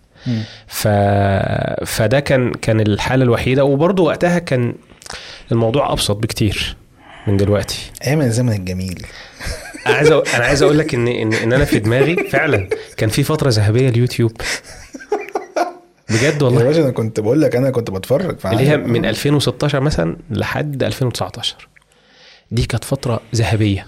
ذهبية اللي في ناس لا في ناس بتحط تحط روحها في الحاجة اللي بتعملها بتبذل مجهود في الشيء اللي بتعمله ما بتستسهلش ما بتستخسرش. مدية تركيزها كله للحاجة ديت. واخد بالك. آه دلوقتي لا دلوقتي في نويز كتير قوي. في نويز كتير قوي قوي قوي قوي دوشة كبيرة قوي قوي. فصعب صعب إن الحاجة اللي اتحط فيها المجهود ديت يبان فعلا بارقها أو يبان فيها الحاجة اللي, اللي الإنسان حطها فيها يعني. فالفترة الذهبية دي من بعد 2019 يا باشا في في خلاط كده كلنا انضربنا فيه. ما تفهمش إيه اللي حصل. لحد دلوقتي لسه يعني في في آثاره. فلا يوتيوب اتغير اتغير كتير عن عن الفترة دي. آه. بيعترف بيعترفوا إن هم كمان. آه وسو يعني ممكن دي حاجة ما تهمش. م- 99% من الناس سوزان وجيسكي اللي كانت شغالة في يوتيوب من زمان جدا جدا سابت يوتيوب وحد تاني اللي مسك. فمع تغيير الإدارة بيبقى في تغيير رؤية وتغيير حاجة. اتجاه وتغيير كل حاجة. وفي نهاية المطاف يعني هي شركة محتاجة إنها تكسب فلوس. فبتشوف إيه الحاجة اللي بتجيب لها فلوس على المدى القصير حتى مش على المدى البعيد لأنه بيتحاسبوا ربع بربع اللي هو ثلاث شهور بثلاث شهور. فممكن القرارات اللي بياخدوها ما تكونش في صالح ال content creators بشكل مباشر يعني. على اللي هو على ال long run أنا خايف إن الموضوع فعلا يبوظ. أنت أنت سألت السؤال لي هو ال shorts يفضل مكمل معانا أو بتاع؟ لا هو السؤال هو اليوتيوب يفضل مكمل معانا؟ آه، يعني يوتيوب آه، دلوقتي أنا شايف إن هو established وناضج جدا وتقيل في السوق للدرجة إن هو ممكن يستحمل خبطات. قد إيه بقى؟ مش عارف بس آه، أصل نموذج يوتيوب مختلف شوية يعني جوجل مثلا كانت عاملة حاجة اسمها جوجل بلس منافس لفيسبوك. وحطوا طاقة وفلوس وميزانيات. دخلوا كل حاجة في جوجل. حتى في يوتيوب ذات نفسه آه، وانت بت sign in كانوا يقول لك روح اربط الجوجل بلس account بتاعك. كانوا عاملين حاجة ملخبطة كده في بعضها. وفي نهاية المطاف قفلوا المشروع. قفلوا الجوجل آه، الجوجل بلس ده. يوتيوب لا يوتيوب ده product قوي جدا جدا عند عند جوجل يعني. فما أظنش إن هو هينتهي قريبا. أنا لا أظن ذلك. آه، ولكن آه، ما حدش عارف إيه اللي ممكن يحصل. آه. هنشوف مع بعض الفترة الجاية. okay. آه، في جزئية مهمة جدا وهي حتة إن أنت لما بتعمل ريفيو لحاجة وتلاقي الحاجة دي كويسة فبتقول على اسم المكان والكلام وده شيء كويس يعني مفيد للمكان وللناس و... وبيعمل انتعاشة وشيء رائع لو كلت بقى حاجة انت ما عجبتكش لا يعني اللي هي ما عجبتكش حاجة وحشة بتميل انك ما تذكرش اسم المكان مم. ده شفته في كذا. وأظن في مرة كنت قلت إن في تجربة ما كانتش ظريفة في مكان فحد اترفد فاكر انت المره دي؟ حد اترفد من المكان وبعدين أخوه كلمك وقال لك انت السبب اللي خليت أخويا يترفد؟ إيه الحوار ده؟ آه بص يا باشا أنا في الأول كنت بقى يعني لما بقت حاجة وحشة في المقارنة أو بتاع تظهر كنت بظهرها. عادي موق... يعني از زي ما حصل زي ما بتحصل. وعمري ما ما تربصت لحد. أنا أنا مش عامل ال- الفيديوهات دي عشان أقطع بيها رزق حد ابدا في حياتي ولا عمرها كانت نية عندي. تمام؟ بالعكس أنا لو الناس ركزت معايا في الفيديوهات هتلاقي هيلاقوا في الغالب معظم الحاجات الناس اللي جت عندي وخيشت وقلت إن هي ما عجبتنيش ما جوش تاني. ليه؟ مكان وقع هاجي وقع أعمل أنا مثلا مثلا مكان بيقدم مشويات فجبت مثلا مرة ما مثلا من عنده طرب وحش جدا عملت كده مقارنة كفتة. مش هجيبه بقى. ليه مش هجيبه؟ أنا جبته قبل كده وطلع وحش. هجيبه عشان برضو يعني ما تطلعوش على المسرح تاني, تاني؟ يعني. مفيش فايدة. خلاص؟ في الأول الناس بتفتكر أنا بقى أنا أنا أصل الناس بتحب الانتقاد جدا يعني عارف لو أنت عملت فيديو خناقه أنت لو عملت فيديو يا باشا فيديو سواء بقى يوتيوب شورت أي حاجة قلت المكان ده حسبي الله ونعم الوكيل بيسرقوا الناس ومش عارف. الناس كلها هو ناصر الحق وناصر الغلابة. هو الناس بتحب كده؟ تمام؟ لكن عملت فيديو. المكان ده يا جماعة حلو جدا وجميل وبتاع. عادي من الناس حلو. الجديد؟ إيه الجديد يعني. آه. فالناس بطبعها بتتفاعل مع الانتقاد ده. السلبيه بت- بتسل. جدا. فأنا لو عملت كده الناس بتفكر إن أنا بقى بعمل كده عشان كده. فبالعكس أنا بقيت أعملش كده. آخر حاجة حصلت معايا الفيديو لسه نازل. أنا إحنا بنصور الحلقة دي خلاص يعني كان في فيديو فيديو الفطير عمل فيديو فطيرة رول. فطيرة بتترول كده جواها إيه؟ آه محتوى يعني أكل. فكنت جايب مشكل جبن. فأنا كنت جايب في الحلقة دي ست مطاعم مش خمسة. ست. ستة حلو. وهو كان آخر مطعم السادس ده بفتحه وبفتح الفطيرة وبقسمها من النص كده لقيت فيه مطة غير طبيعية مش مطة جبنة دي. ببص كده لقيت الفطيرة من جوه نية. نية. العجينة لسه ما استوتش. هي من بره استوت. فأنا هنكت كده شوية. قمت منزلها. قمت فاتحها. فتحتها خالص فكيت الروله مستوية مستوية مستوية وجيت في آخر حتة خالص في كده راق كده مش مستوي. ني. عجين. عجينة. فأنا بقيت بين نارين. يعني أظهره ولا ما أظهروش. أظهره عشان الناس ما تاخد بالها ولا مز... ولا و- ولا مظهر وما ظهرتوش الناس شهر. يعني هستفيد إيه ومش هستفيد؟ موقف موقف صعب جدا. المهم بعد استشارات وكلام ورؤية وبتاع أنا شفت إن هو عدم وجوده في الفيديو أحسن. تمام؟ وحاولت اتواصل مع إدارة ما ردوش عليا أصلا. عشان أقول لهم إن عندكم الفرن بايظ لو سمحتوا خدوا بالكم في فرن عندكم بايظ ما حدش أصلا عبر لو كنت نزلته في فيديو كان هم اللي كانوا عبروني فعلا فاهم؟ بس أنا مش بعمل كده عشان أعاقبهم يعني. فأنا اخترت إن أنا ما أنزلش هذا المقطع. شلت الح- الحلقة نزلت كأنها خمس مطاعم مش ست. مم. خلاص؟ وشلت كل حاجة تتعلق بيه جوه الفيديو. من أول الفيديو من آخر الفيديو كأنه ما جاش. خلاص؟ ليك أنت في الآخر الخمسة حلوين منهم حلو ومنهم عادي اختار منهم دول في واحد منهم حلو روح جربه. بس الوحش يا عم سيبك منه بالنسبة للواد اللي اترفد ده.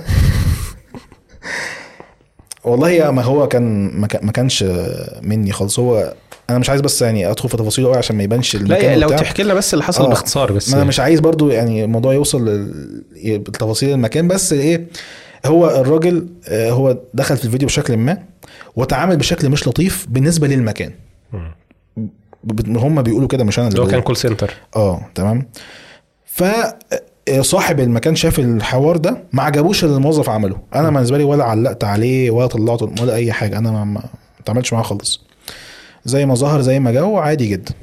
هو الراجل ما عجبوش صاحب المطعم ما عجبوش رد فعل الموظف. رد فعل الموظف. ده بيشوف إن هو لا يمثل المكان. مم. فأنا جالي رسالة من ال nowhere لقيت واحد باعت لي بيقول لي حسبي الله ونعم الوكيل أخويا اترفد بسببك وأخويا ده بي- بيصرف علينا. أنا الكلمة دي صعقتني. كهربت. يعني أنا أصلا أنا ما, ما يا عم أنت بتقول إيه؟ مش أنا اللي رفدته هو ومش بس كده أنا مش ده غرض الفيديو. هو أنا عامل فيديو عشان أخويا يترفد يعني أنا عامل فيديو عشان أرفض ارفض الناس اللي جوه المطاعم أبوظ حياتهم ومش عارف. لا لا لا طبعا. خالص. مباشرة أنا ما كانش لي علاقة بالمطعم ده خالص. وصلت بشكل ما إن أتواصل مع الإدارة. ووصلت يعني إن قلت لهم يا جدعان أنا عايز اتكلم مع حد عايز أعرف اللي حصل. المهم وصلت مع حد يعني فهم قالوا لي وقتها إنه آه هو ده مش أول مرة يعمل كده. الراجل ده. ليه أخطاء كتيرة مش بس الكول سنتر حاجات كتيرة جدا. ودي بقى القشة اللي قص كسر الظهر اللي مش عارف إيه. فقلت لهم يا جدعان يعني أنا ابعدوني عن الموضوع. ارفدوه في موقف تاني. يعني مش الموقف بتاعنا. المهم بشكل ما باخر هو رجع يعني الراجل هذا الموظف رجع تاني للشغل. ما أعرفش بقى عشان أنا كلمتهم ولا هم كانوا بيشدوا ما أعرفش. بس في الآخر يعني هو أكيد الموضوع لما بيتصور بيبقى ليه أبعاد تانية. أنا ممكن في الأول في الأول خالص كنتش باخد بالي من الكلام ده. ان برضه ما كنتش عارف حجم التأثير عامل إزاي من المحتوى. مع الوقت وعشان كده بقول لك المحتوى بيأثر جدا على السوق. جدا جدا الحمد لله يعني. آه مع الوقت بقيت آخد بالي من الكلام. إن ممكن أقول كلمة أطير فيها. فساعات وفعلا خد بالك من حاجة. زي ما في أصحاب مطاعم ولا ليهم دعوة بالصناعة وبيقدموا أكل وحش جدا وبي ولا- يهمهم الناس واهم حاجة جيبه وبتاع. في ناس كده. زي ما في ناس كتيرة جدا حاطين كل اللي وراهم واللي قدامهم في هذا المطعم. وبيكافح المطعم ده ينجح. وده أكل عيش عيشه وأكل بيته وبتاع. وممكن موظف جوه دماغه قد كده ما عملش مش عارف إيه بوظ له الدنيا جه عندي الحلقة. فهذا الموظف لبس المطعم ده كله في حوار. فساعات بحاول بحاول ألتمس له العذر. المره دي يا جماعة مش حلو. بس. ممكن أجربه تاني يعجبني. على صعيد آخر أنا بقى ما بشيرش تجربه الشخصية. أوكي. يعني أنا كعمرو بقى ما ما بستعملش حساباتي الشخصية في في إن أنا بقى أنا مثلا رحت مطعم واتعاملت وحش. ما بتشاركش ده. لا معلش هو أنت ممكن تروح مطعم وتعمل وحش؟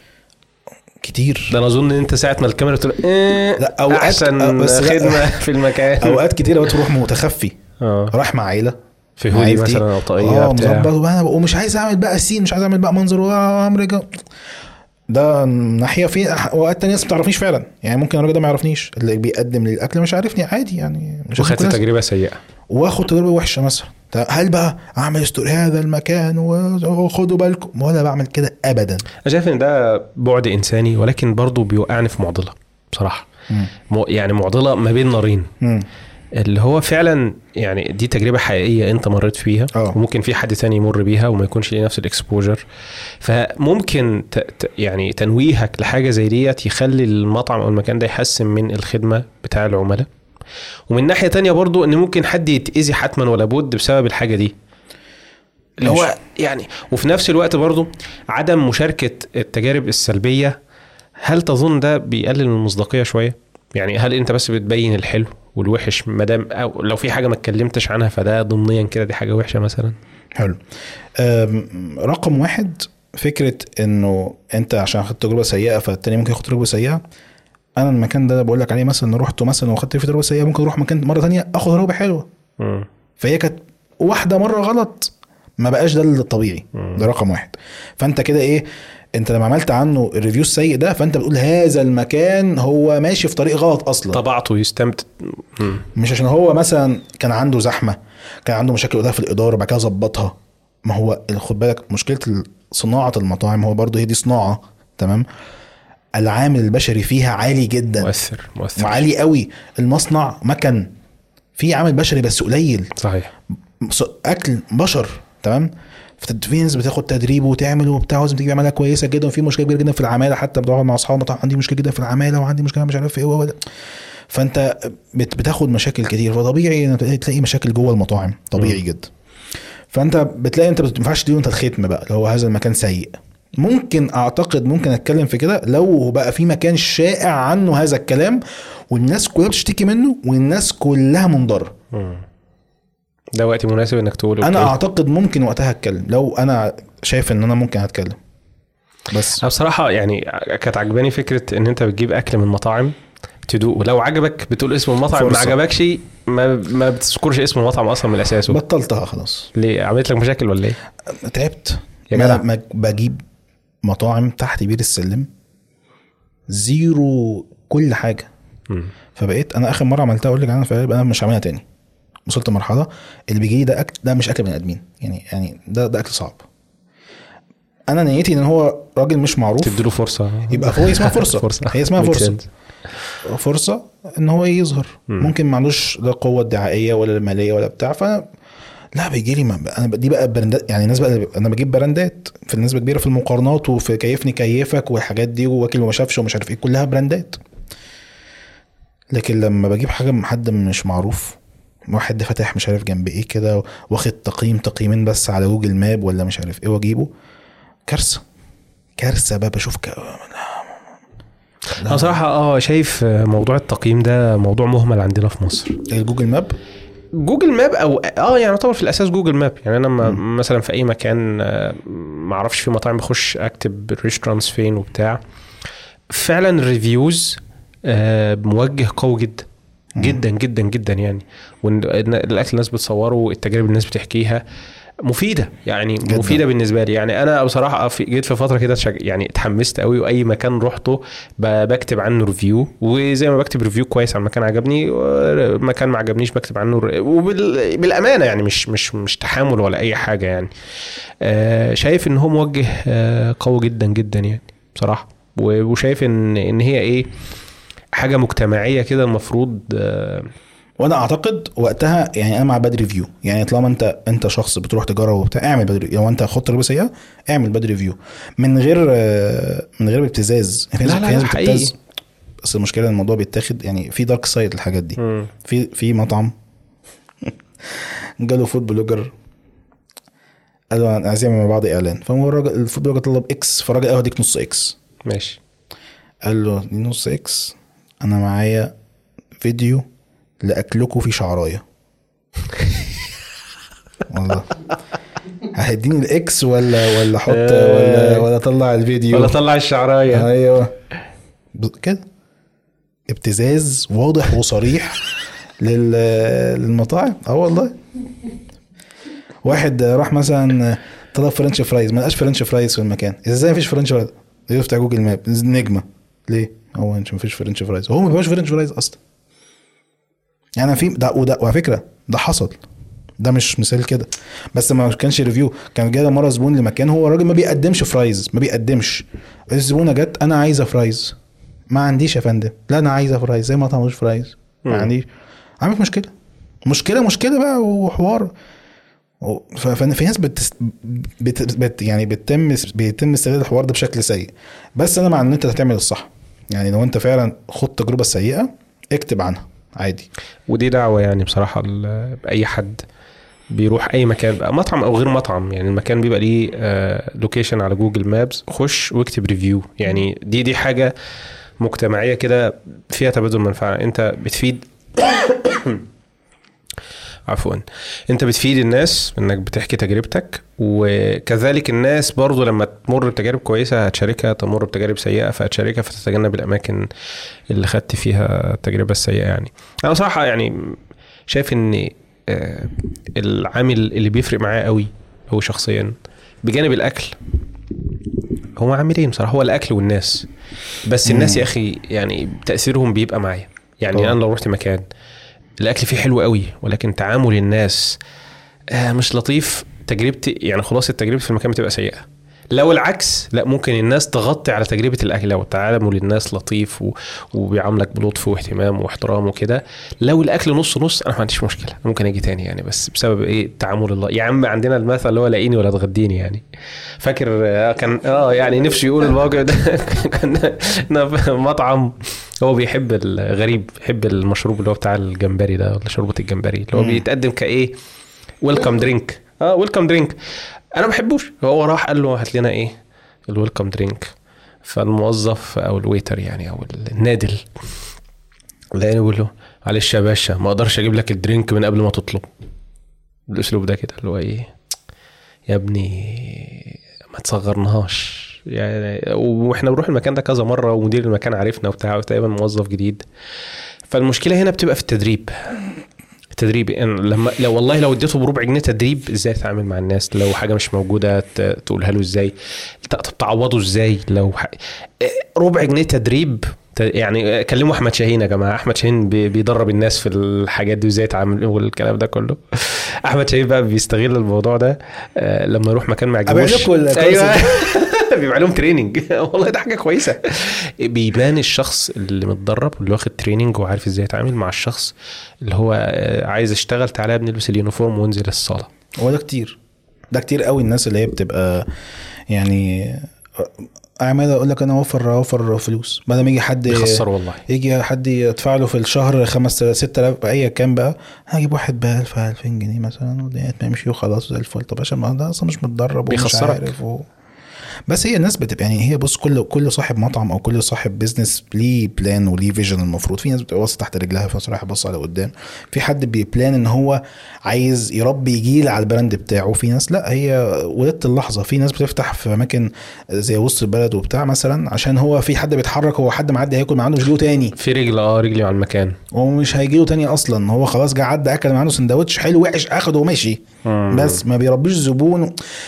ففي strategies كتيرة جدا. فعلى حسب بقى صاحب المكان هو عنده vision وعارف هو رايح فين وبيبني لإيه ولا هو فاتحها باب الله كده والدنيا ماشية. مش كله ناجح يعني مش كله يعني شفت كده وشفت كده شفت نماذج ناجحة جدا ما شاء الله. في ناس طبعا وعشان كده البودكاست اللي عامله بتاع الفودكاست ده عامله عشان الحتة دي. فكرة إن الناس تيجي اصحاب المطاعم دول يجي يتكلموا عن تجاربهم الناجحة جدا في المطاعم والناس يعني تلهم منهم. فاهم؟ وتشوف الصعاب اللي هم واجهوها وإيه اللي بيفكروا إزاي وإيه المشاكل وإيه الحلو و... إيه الخطوات والمحطات اللي هم عدوا بيها إيه اللي ينصحوا بيه الناس إيه اللي ما ينصحوش بيه الناس.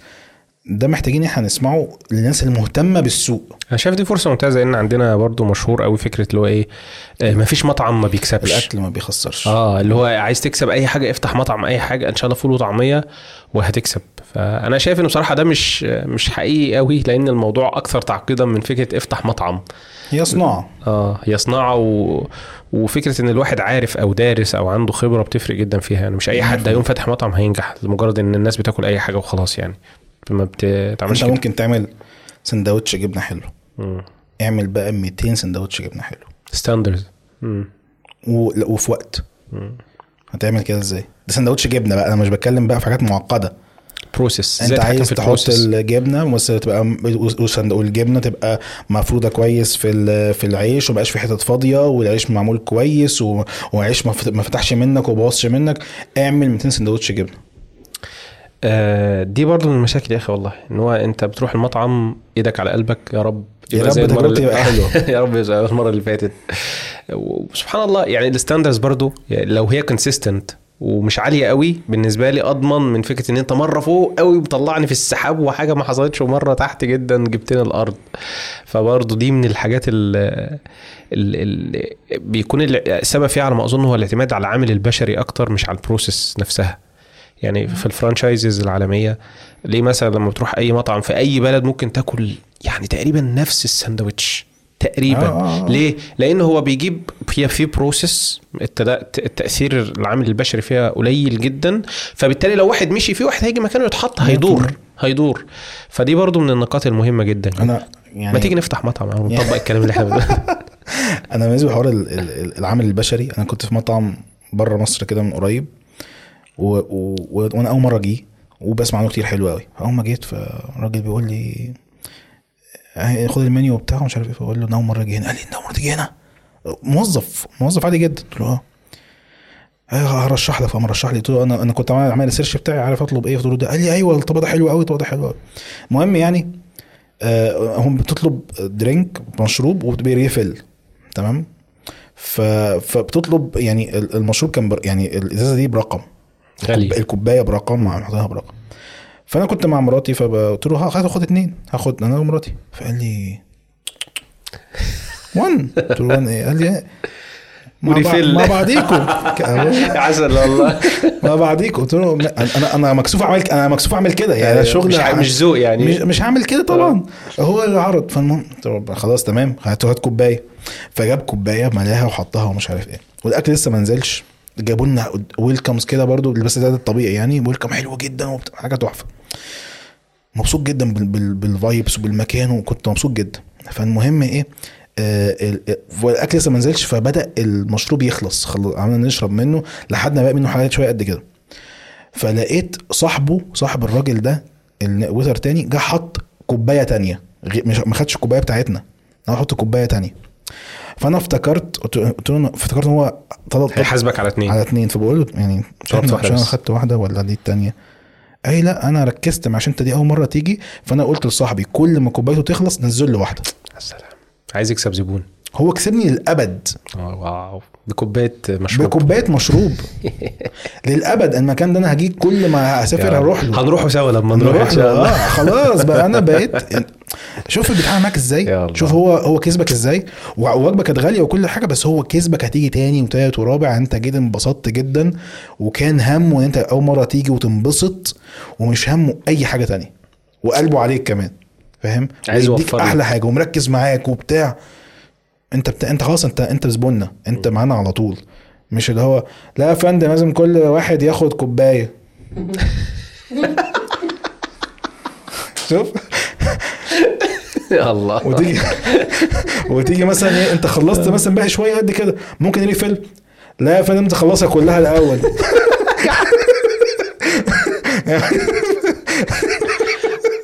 ما ينفعش كده.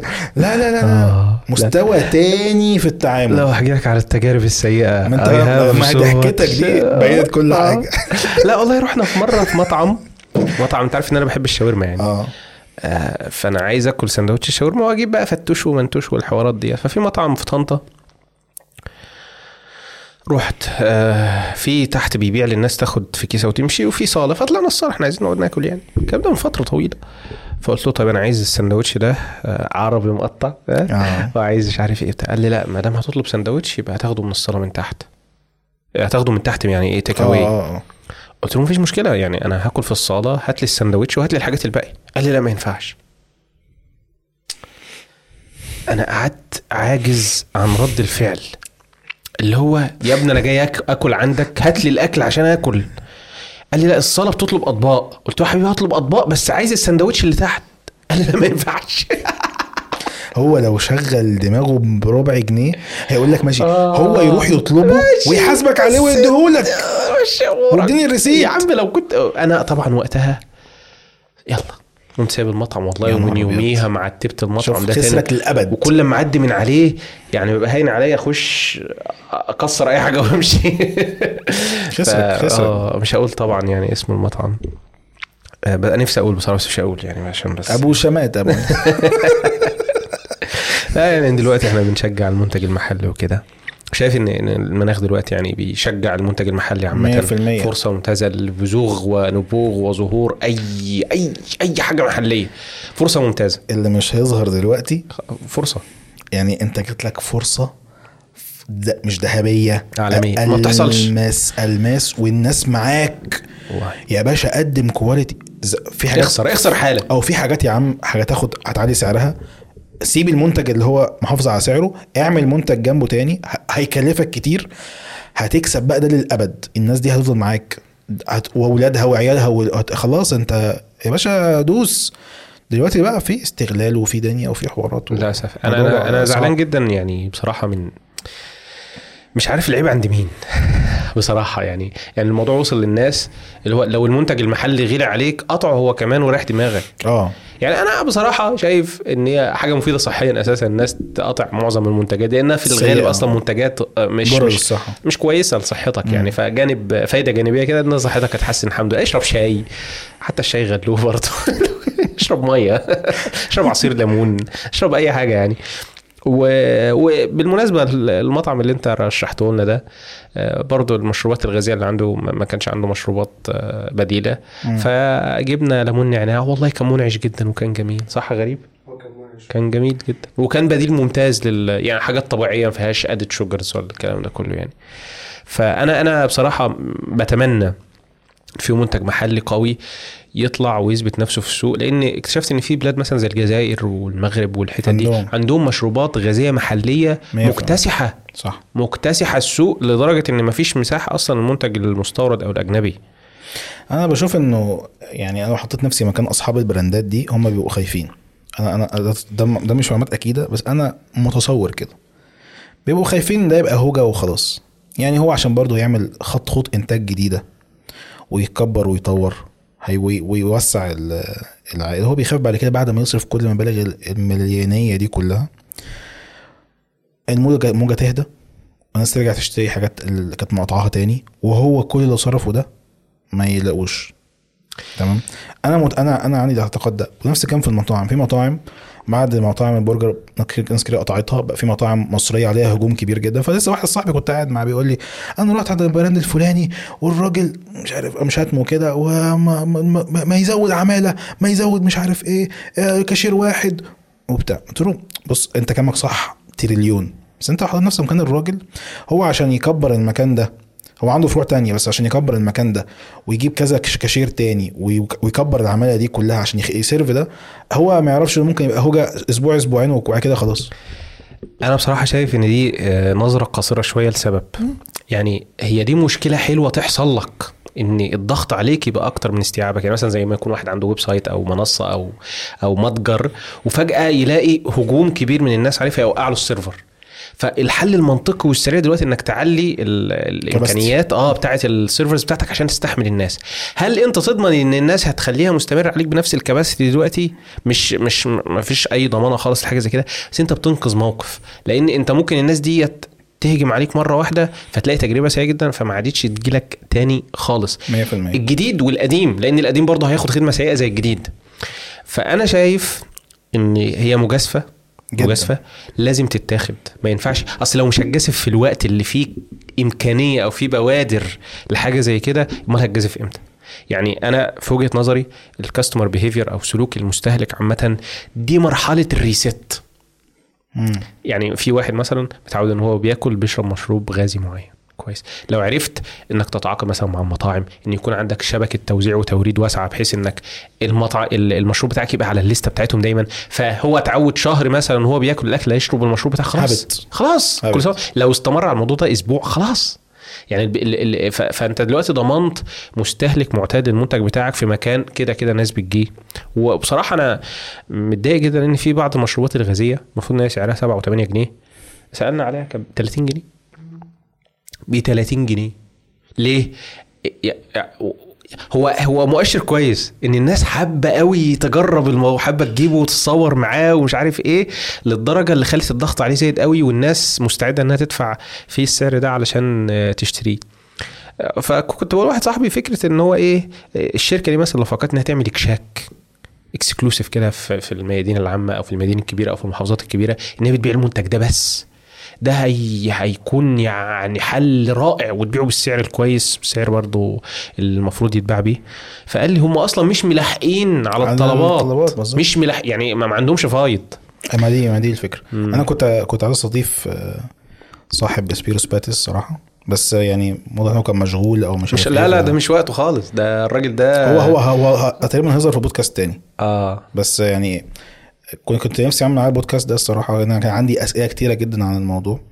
وممكن يعني ممكن قدام أعمل معاه البودكاست ده وان في في علامات استفهام كتيرة قوي محتاجين نسألها له الصراحه آه. بس شيء رائع يا أخي والله إن المنتج آه، موجود في وقت زي ده. شيء رائع. طبعا في منتجات كتيرة مش عارف هي كانت موجودة ولا ابتدعوها ولا إيه بالظبط بس في 500 كولا دلوقتي ظهرت. آه. وللاسف الشديد برضه الكواليتي وحشة جدا. مم. بس برضو إحنا الاقتصاد عندنا برضو يعني لسه بيتع... يعني بيت... مش عارف هو بقى كويس بيتعافى مش يعني هو في في مشكلة. فهو مش يعني مش مش بيئة خصبه لأن إحنا نعرف ن... يعني اللي بي... بيكافح يعني كتر خيره قوي ان هو بيكافح. بجد يعني الأرقام إحنا بنشوفها و- تقعد مع أصحاب مطاعم وبيتكلموا عن food cost عامل إزاي ومصاريف الأكل عاملة إزاي لا بتسمع بتسمع حاجات تخض يعني تقول لهم إيه إيه اللي مصبرك؟ أصلا ما تقفل يا عم. عايز تقول له كده؟ Process صعبة بصراحة. جدا. يعني أنا من تجربتي مثلا مع كريم وأمير وأحمد والمطعم بتاعهم برضو إن إحنا إن أنا في الوقت اللي هم فتحوا فيه المطعم أنا كنت ساكن جنبهم في المعادي. فكنت دايما بروح. ومعادي يحكي لي بعد كده خلف الكواليس والمشاكل اللي قابلتهم. لا لا لا لا لا, لا. الموضوع مش سهل خالص. مم. موضوع المطاعم ده. مش سهل خالص خالص. يعني ما أظنش في يوم من الأيام أنت ممكن تفكر تفتح مطعم ما أنت نفس الخبايا بقى فبتخاف. يعني نفس فكرة اللي هو لما شخص ينجح في حاجة يقول لك لو كنت عارف الحاجات اللي هتقابلني ما كنتش بدات. فيها صح؟ شفت حاجات كتير. بس لا رب- ربنا رزق إن شاء الله في يوم كده يحصل. تفتح مطعم. يعني مين عارف؟ زي مثلا آه، بندريتا عمل آه، مطعم بطاطا. بطاطا. بطاطا بند... آه، اسمه بطاطا بندريتا ولا بندريتا بطاطا هو كده حاجة كده. هي البطاطس هناك اسمها بطاطا صح؟ آه لا بطاطس. بطاطس. بطاطا, يعني في أصل حسب يعني في كذا في كذا مسمى ليها مش مش حتة واحدة. بس آه عملنا منتج شكله جامد جدا الصراحة. ما جربتوش يعني بس شكله حلو. أنا شايف إن هي شيء حتمي ان أي صانع محتوى في وقت ما لابد ان هو يكون ليه side project أو حاجة شغال عليها بجانب صناعة المحتوى. وأنت إيه؟ إيه؟ هتعمل إيه؟ أم، I've already done it man. أنا بالفعل عملت كده. عملت إيه؟ آه عملت مطعم؟ لا. إيه؟ courses academy آه أوكي. آه صح صح. عملت Yeah. course صح آه خلينا نتجه لتعليقات الناس على البوست اللي نزلناه على يوتيوب وعلى فيسبوك. عيش يا باشا. آه يعني أنا طبعا آه، عجبتني جدا رحابة صدرك وتقبلك ل أنا بصراحه شايف تعليقات آه، يعني لاذعه زيادة عن اللزوم. ناس كده شايفة. جمهور غير الجمهور خد بالك برضو. آه، يعني, يعني جمهور. آه أنا بروح مثلا فيديو التعليقات على الفيديو انك الناس كلها بتحبك والناس كلها يعني. حابة المحتوى. مش عارف يمكن آه، الناس عندنا يعني مش مهتمين بالأكل شوية. آه عادي. مش كله هيحب الموضوع. آه. هو بس أنا بشوف إنه كل واحد عنده رأي. مم. عنده وجهة نظر. عادي يعني. هو ممكن لو سمع رأي عنه ما يعجبوش برضه. آه. يعني لا، لو, لو أنا أعرفه وقلت رأيي ما مش هيعجبه. هي الفكرة عادي. ان إن في جانب عندك ناس كده ما تعرفوش. أه. الناس ما تعرفش مثلا إن أنت راجل جوزت نفسك جبت شقتك بنفسك كونت نفسك آه، اعتمدت على نفسك في كل حاجة في حياتك آه، بتطور دايما من شغلك النقلة النوعية اللي حصلت. كل دي حاجات تستحق إن هي يتم مشاركتها بشكل ما أو نعمل spotlight عليها. يعني أنا لا يعنيني في المقام الأول آه، فيديوهات الأكل لا يعنيني في المقام الأول التخصص ولكن يعنيني ال- اللي ورا الموضوع ده. مم. يعني أنا أظن لو أنت كنت بتحب حاجة تانية وطبقت فيها نفس ال concepts إن شاء الله كنت توصل فيها وتحقق فيها حاجات آه، زي اللي حققتها دلوقتي. الناس كلها بتحبك وبتابعاك وعارفاك ومربوط دايما عندهم ال honest review أو المراجعة الصادقة بعمرو شريف. ما بتبالغش قوي في حاجة ويعني بتراعي الحاجات دي كويس. آه، في ناس يعني سألهم على حاجة ان أنت آه، كان في آه، بعض الأصدقاء يطلعوا معاك في ال videos مثلا شاركوك في تجربة آه، أكلات معينة وبعد كده هم محتواهم برضو انتقل لجزئية الأكل لقوا إن محتوى الأكل هو يعني يعني on fire أكل on fire والناس كتيرة تابعتهم وبالفعل يعني انطلقوا في المجال فأنت شعورك إيه في حاجة زي ديت؟ آه، أكيد تقصد منعش مثلا هو كاتب كده بالاسم هنا بس أنا ما بحبش أذكر أسامي عشان ما نعملش إحراج بس هو كاتب كده ما فيش. غيره يعني ما هو منعش آه، شخص جميل جدا آه. جدا ودايما كنا لما نقعد مع بعض شخصية مرحة جدا. ولذيذة. قابلته- قابلته آه، واحدة. جميل قوي. فاهم حبيته آه ونقعد نهزر ونضحك وبتاع وهو دمه خفيف وبتاع بس هو كان دايما ما بيحبش يعمل قدام الكاميرا تمام؟ وكان عنده شخصية كده هو الحاجة دي يعني مش للعلن تمام؟ آه وكان دايما يحب لما يطلع يعني يطلع على الكاميرا يقول أنا اسمي أحمد احمد دكتور أحمد عبد المنعم. ما كانش يحب حد يقول له منعش ده ابدا فاهم؟ هو دكتور أحمد عبد المنعم. آه بس أنا كنت بقول منعش يعني أنت شخصية حلوة جميلة اظهر يا عم بطبيعتك ومش عارف إيه. فكان عنده قناة تصوير آه بيقدم فيه محتوى تصوير وهو كان بي- photographer وشاطر يعني في الحوار ده. بس ف ظهر معايا في فيديو الكيت كات الياباني جبت كنت جايب كيت كات من اليابان وبتاع أنا صاحبي الياباني جايبها لي وظهر معايا وحاجة القصة هو مرة. ومهم ظهر والناس حبته قوي لأن هو كان ظاهر بقى مش في مش في طور الدكتور احمد عبد المنعم والجو ده خالص كان طالع فعلا دور منعش صاحبي. لذيذ. فالناس طارت بيه. تمام؟ وأنا وأنا كنت متوقع ده الصراحة. أنا كنت متوقع الناس تحبه. هو ما كانش هو ما كانش متوقع. ده هو كان شايف إن الناس مش مش هتتفاعل معاه بشكل كويس يعني. فأنا كنت لا أنا كنت شايف إن ده طبيعي. بس المهم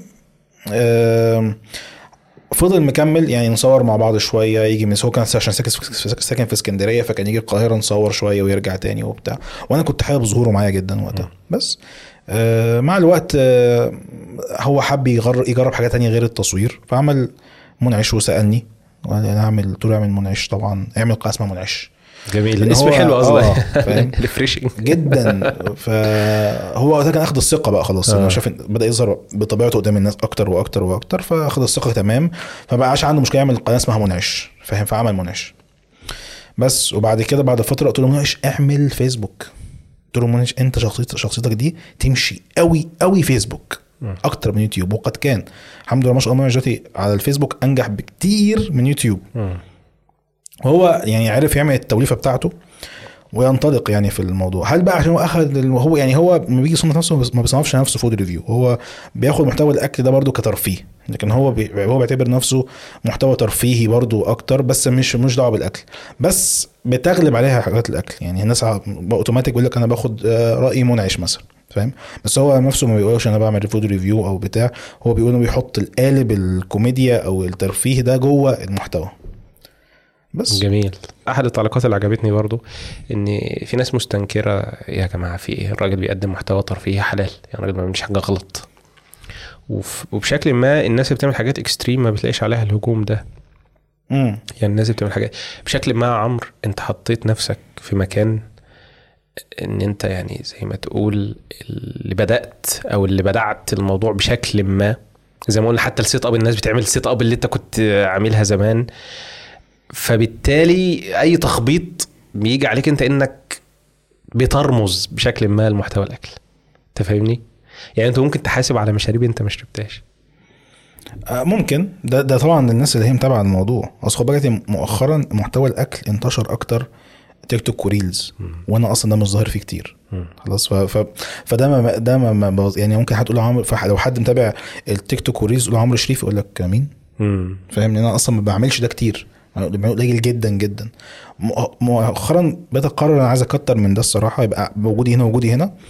بس لا لو حد بقى تابع يوتيوب أقول لك آه طبعا ده هو ده اللي مش عارف عمل ده مش هو ده اللي مش فيعني أنا اتعودت على الموضوع ده وزي ما قلت لك آه، قشطة يعني ما مش يعني فاهم اللي عنده رأي تمام يعني ما فيش مشكلة هل موضوع ال- الفود reviewing ده بيأثر على صحتك بشكل ما ولا انت محافظ آه. على الموضوع ومتابع؟ بحاول أحافظ طبعا وبعد كده بعمل تحاليل ومش عارف إيه الموضوع كويس. مش مش سهل قوي إنه أنا عارف الموضوع هيبقى يعني يا عيني بص بياكل وبيقول لك أنا بتعب مش عارف من إيه أيوه يا جدعان أنت واحد عشان ياكل كل ده بي- بيتعب أكيد ما يعني يعني فاهم أه بحاول طبعا أنا أنا أكتر الحاجات اللي بتدمرني السكريات. لما باكل سكر كتير في حلقة بتدمر لي الشهية لفترة لأيام.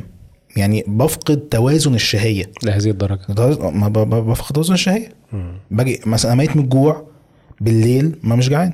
يعني جسمي محتاج أنا حاسس بس أنا معنديش شهية آكل. يعني نفسك تاكل إيه؟ أنا بطني بتصوصو. نفسك تاكل إيه؟ ولا حاجة. صفر.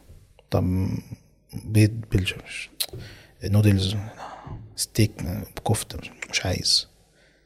ده بسبب أنا لاحظت الحوار ده كذا مرة السكريات لما باكل سكريات كتير قوي بتبوظ لي منظومة الشهية. ما أعرفش إزاي. تمام؟ فده ليه جانب طبعا أكيد وحش. بس الصحة لحد ما بحاول بلعب بدل مرتين في الأسبوع مثلا مع الشباب وبتاع لا بحس بتحرك تبقى حلوة جدا. قدر الإمكان في البيت بقى في الحياة الطبيعية ما ما باكلش يعني fast food يعني بنسبة كبيرة أكل من البيت مثلا مش عارف إيه عشان أنا بحب أصلا أكل البيت يعني. بس برضو مش صحي يعني أكل آه في البيت بس مش برضو مش healthy food قوي وبتاع. أنا بحب ال- المقليات وبحب الحاجات اللي معمولة بالسمنة والزبدة والمش عارف إيه نشويات كتير مش عارف كده يعني. سكريات جدا برضو. فهو أكيد ال- ال lifestyle بتاعي مش صحي بس قدر الإمكان بحاول أ control. يعني بحاول والله قدر الإمكان يعني. أنا كان عندي تجربة تجربة وحشة جدا في التخن زمان ف... فبقيت خايف من الموضوع ده. الموضوع مش حلو خالص. يا. هو كده يعتبر تخين برضه بس كنت أضعاف يعني كنت ضعف كنت أتخن من كده. آه آه بكتير. أنا كده كويس أنا كده جميل قوي يعني. أنت زي الفل يا باشا في كل بالنسبة حالاتك. اللي أنا كنت فيه كنت ضايع آه. بس أنت في ال vlog كنت باين رفيع جدا. آه أنا أنا بقول لك لا أنا كان في بقى قبل ال vlog كنت في مرحلة أسوأ من كده كتير. مم. أنا بعد بعد ال vlogs دخلت الأكل آه زدت شوية. آه يعني اللي هو mood التصوير وعارف برضو الجواز بقى وانتخه و... ليها كده عوامل كتيرة combo و- combo كده مع بعضه جاي فاهم؟ هو شيء جميل وشيء مهم أصلا الإنسان يتابع آه، تحاليله على الأقل كل ست شهور يعني. شايف إن هو شيء آه، كويس يساعد حتى يطمنك. ولو في حاجة بتكتشف بدري فتقدر آه، تعالجها بدري يعني. فدي نصيحة مهمة جدا. كل ست شهور لو عندك الإمكان إنك تعمل تحليل شامل قدر الإمكان شايف إن هو شيء لا غنى عنه يعني. وأهم حاجة فيتامين د عشان. انت بتقول فيها والله يعني فرق فرق شاسع يعني. خاصة إحنا في الشتاء والشمس معلش بتطلع زي الأول أو الناس خلاها كمشانه في البيت كتير أو في المواصلات والمكاتب. بص lifestyle الناس برضو عشان الناس كتيرة جدا بتسهر مم. يفضل صاحي لحد الفجر وينام الصبح مم. بيحضر بيحضر أشعة الشمس إمتى.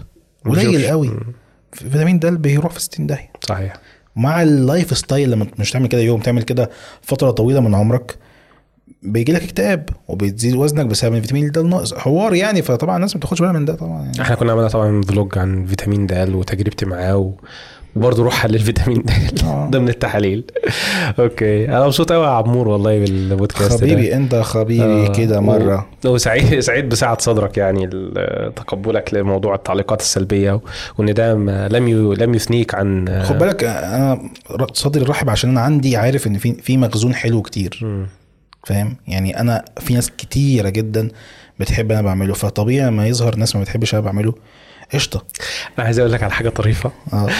أحد التعليقات اللي هو آه، طبعا يعني إيه هيجي يتكلم عن إيه يعني؟ عن دور 16 اللي كسب آه، مش عارف الكفتة بتاع ولا الحواوشي بتاع. واحد علق قال لا. طب ما أنت اتفرجت على الحلقة أهو. يعني أنا عايز أقول لك ان هو يمكن السياق اتفرج على ساعة وتلت أكل. اتفرج لا اتفرج وعرف نتيجة آه، آه، دور ال النهاية. 16 آه. فقال له آه أنا بتفرج آه بس ده ما يمنعش إن يعني فين الاتساق يا راجل ساعة وتلت بتفرج على حلقة كاملة وبعد كده جاي هو ممكن يكون بيحب يتفرج عليك على قناتك مثلا بس في موضوع البودكاست يعني شايف إن هو في تضارب في السياق. بس لا خالص يعني أنا شايف إن تجربة عمرو يعني تجربة من أكثر التجارب الملهمة بصراحة. ويعني كون إن أنا عارف تفاصيلها والمراحل اللي مر بيها فأنا والله صدق بليف مي براذر يعني this man is a good man. حبيبي والله he's very good. هو عاش فعلا كل اللي أنا عشته كان آه. معايا في كل حاجة. لا لا لا. بجد بجد. بصراحة صاحب مفيد يعني عارف اللي هو كل وراك وأنا مغمض عيني. حبيبي طيب في آخر فقرة بقى وهي فقرة ال quote ال quote آه. آه يعني أنا عايزك يعني شارك معانا quote كده حاسس ان هو حاجة مؤثرة في حياتك أو حاجة مهمة أو حاجة جت على بالك. آه في quote quote هو فعلا quote آه كان عارف أنت برضو وأنت وأنت شباب كده كان في حاجات حماس الشباب وبتاع وال social media ومش عارف إيه. آه أنا مش عارف مين اللي قاله الصراحة بس أنا هقوله يعني. يقول لك نحن نرى ما لا نريد ونريد ما لا نرى فنفقد قيمة ما نرى ونضيع في سراب ما لا نرى. يعني من الآخر خليك دايما قدر قيمة اللي معاك. اللي معاك ده كتير قوي قوي. بس ال social media والحاجات اللي حواليك والناس اللي حواليك بتقعد تشوف انت أنت مش معاك وبتفقد قيمة جدا اللي معاك. وهو كتير قوي. وبتقعد سرحان ورا اللي لو مش معاك ده. لحد ما ده ده هتاخد ده وهتاخد ده. فركز في اللي معاك. جميل. والإنسان غالبا لا يدرك قيمة اللي معاه إلا لما يفقده. بس. يعني عارف لا, لا نقدر قيمة الماء إلا عند الصيام مثلا وإن أنت ممنوع منه أو أو لما تكون مريض عافاكم الله جميعا و... و- وتكون ممنوع من حاجة معينة. هي دي بقى الحاجة اللي. هي أنا عايزها حالا. وهي كانت معاك على طول. مم. فأنا شايف إن هو تمرين صحي إن الإنسان يبعد نفسه أو يحرم نفسه من الحاجات اللي هو بيحبها أو من الحاجات المعتادة حتى فترات معينة. هيقدر يعني هيبص الحاجات بنظرة تانية خالص. quote جميل. شكرا يا عمرو. حبيب قلبي. وسعداء جدا باستضافتك. والبودكاست متاح طبعا على كل منصات ال podcast Spotify Google Podcast ولا قفلوه دلوقتي. يعني في آه بيقاوم. بيقفلوه. هيبقى YouTube Podcast و Apple Podcast وكل و Castbox كل الحاجات دي هتلاقي الحلقات عليها إن شاء الله. شكرا. ونشوفكم إن شاء الله في حلقة جديدة. سلام. باي باي. That's amazing man.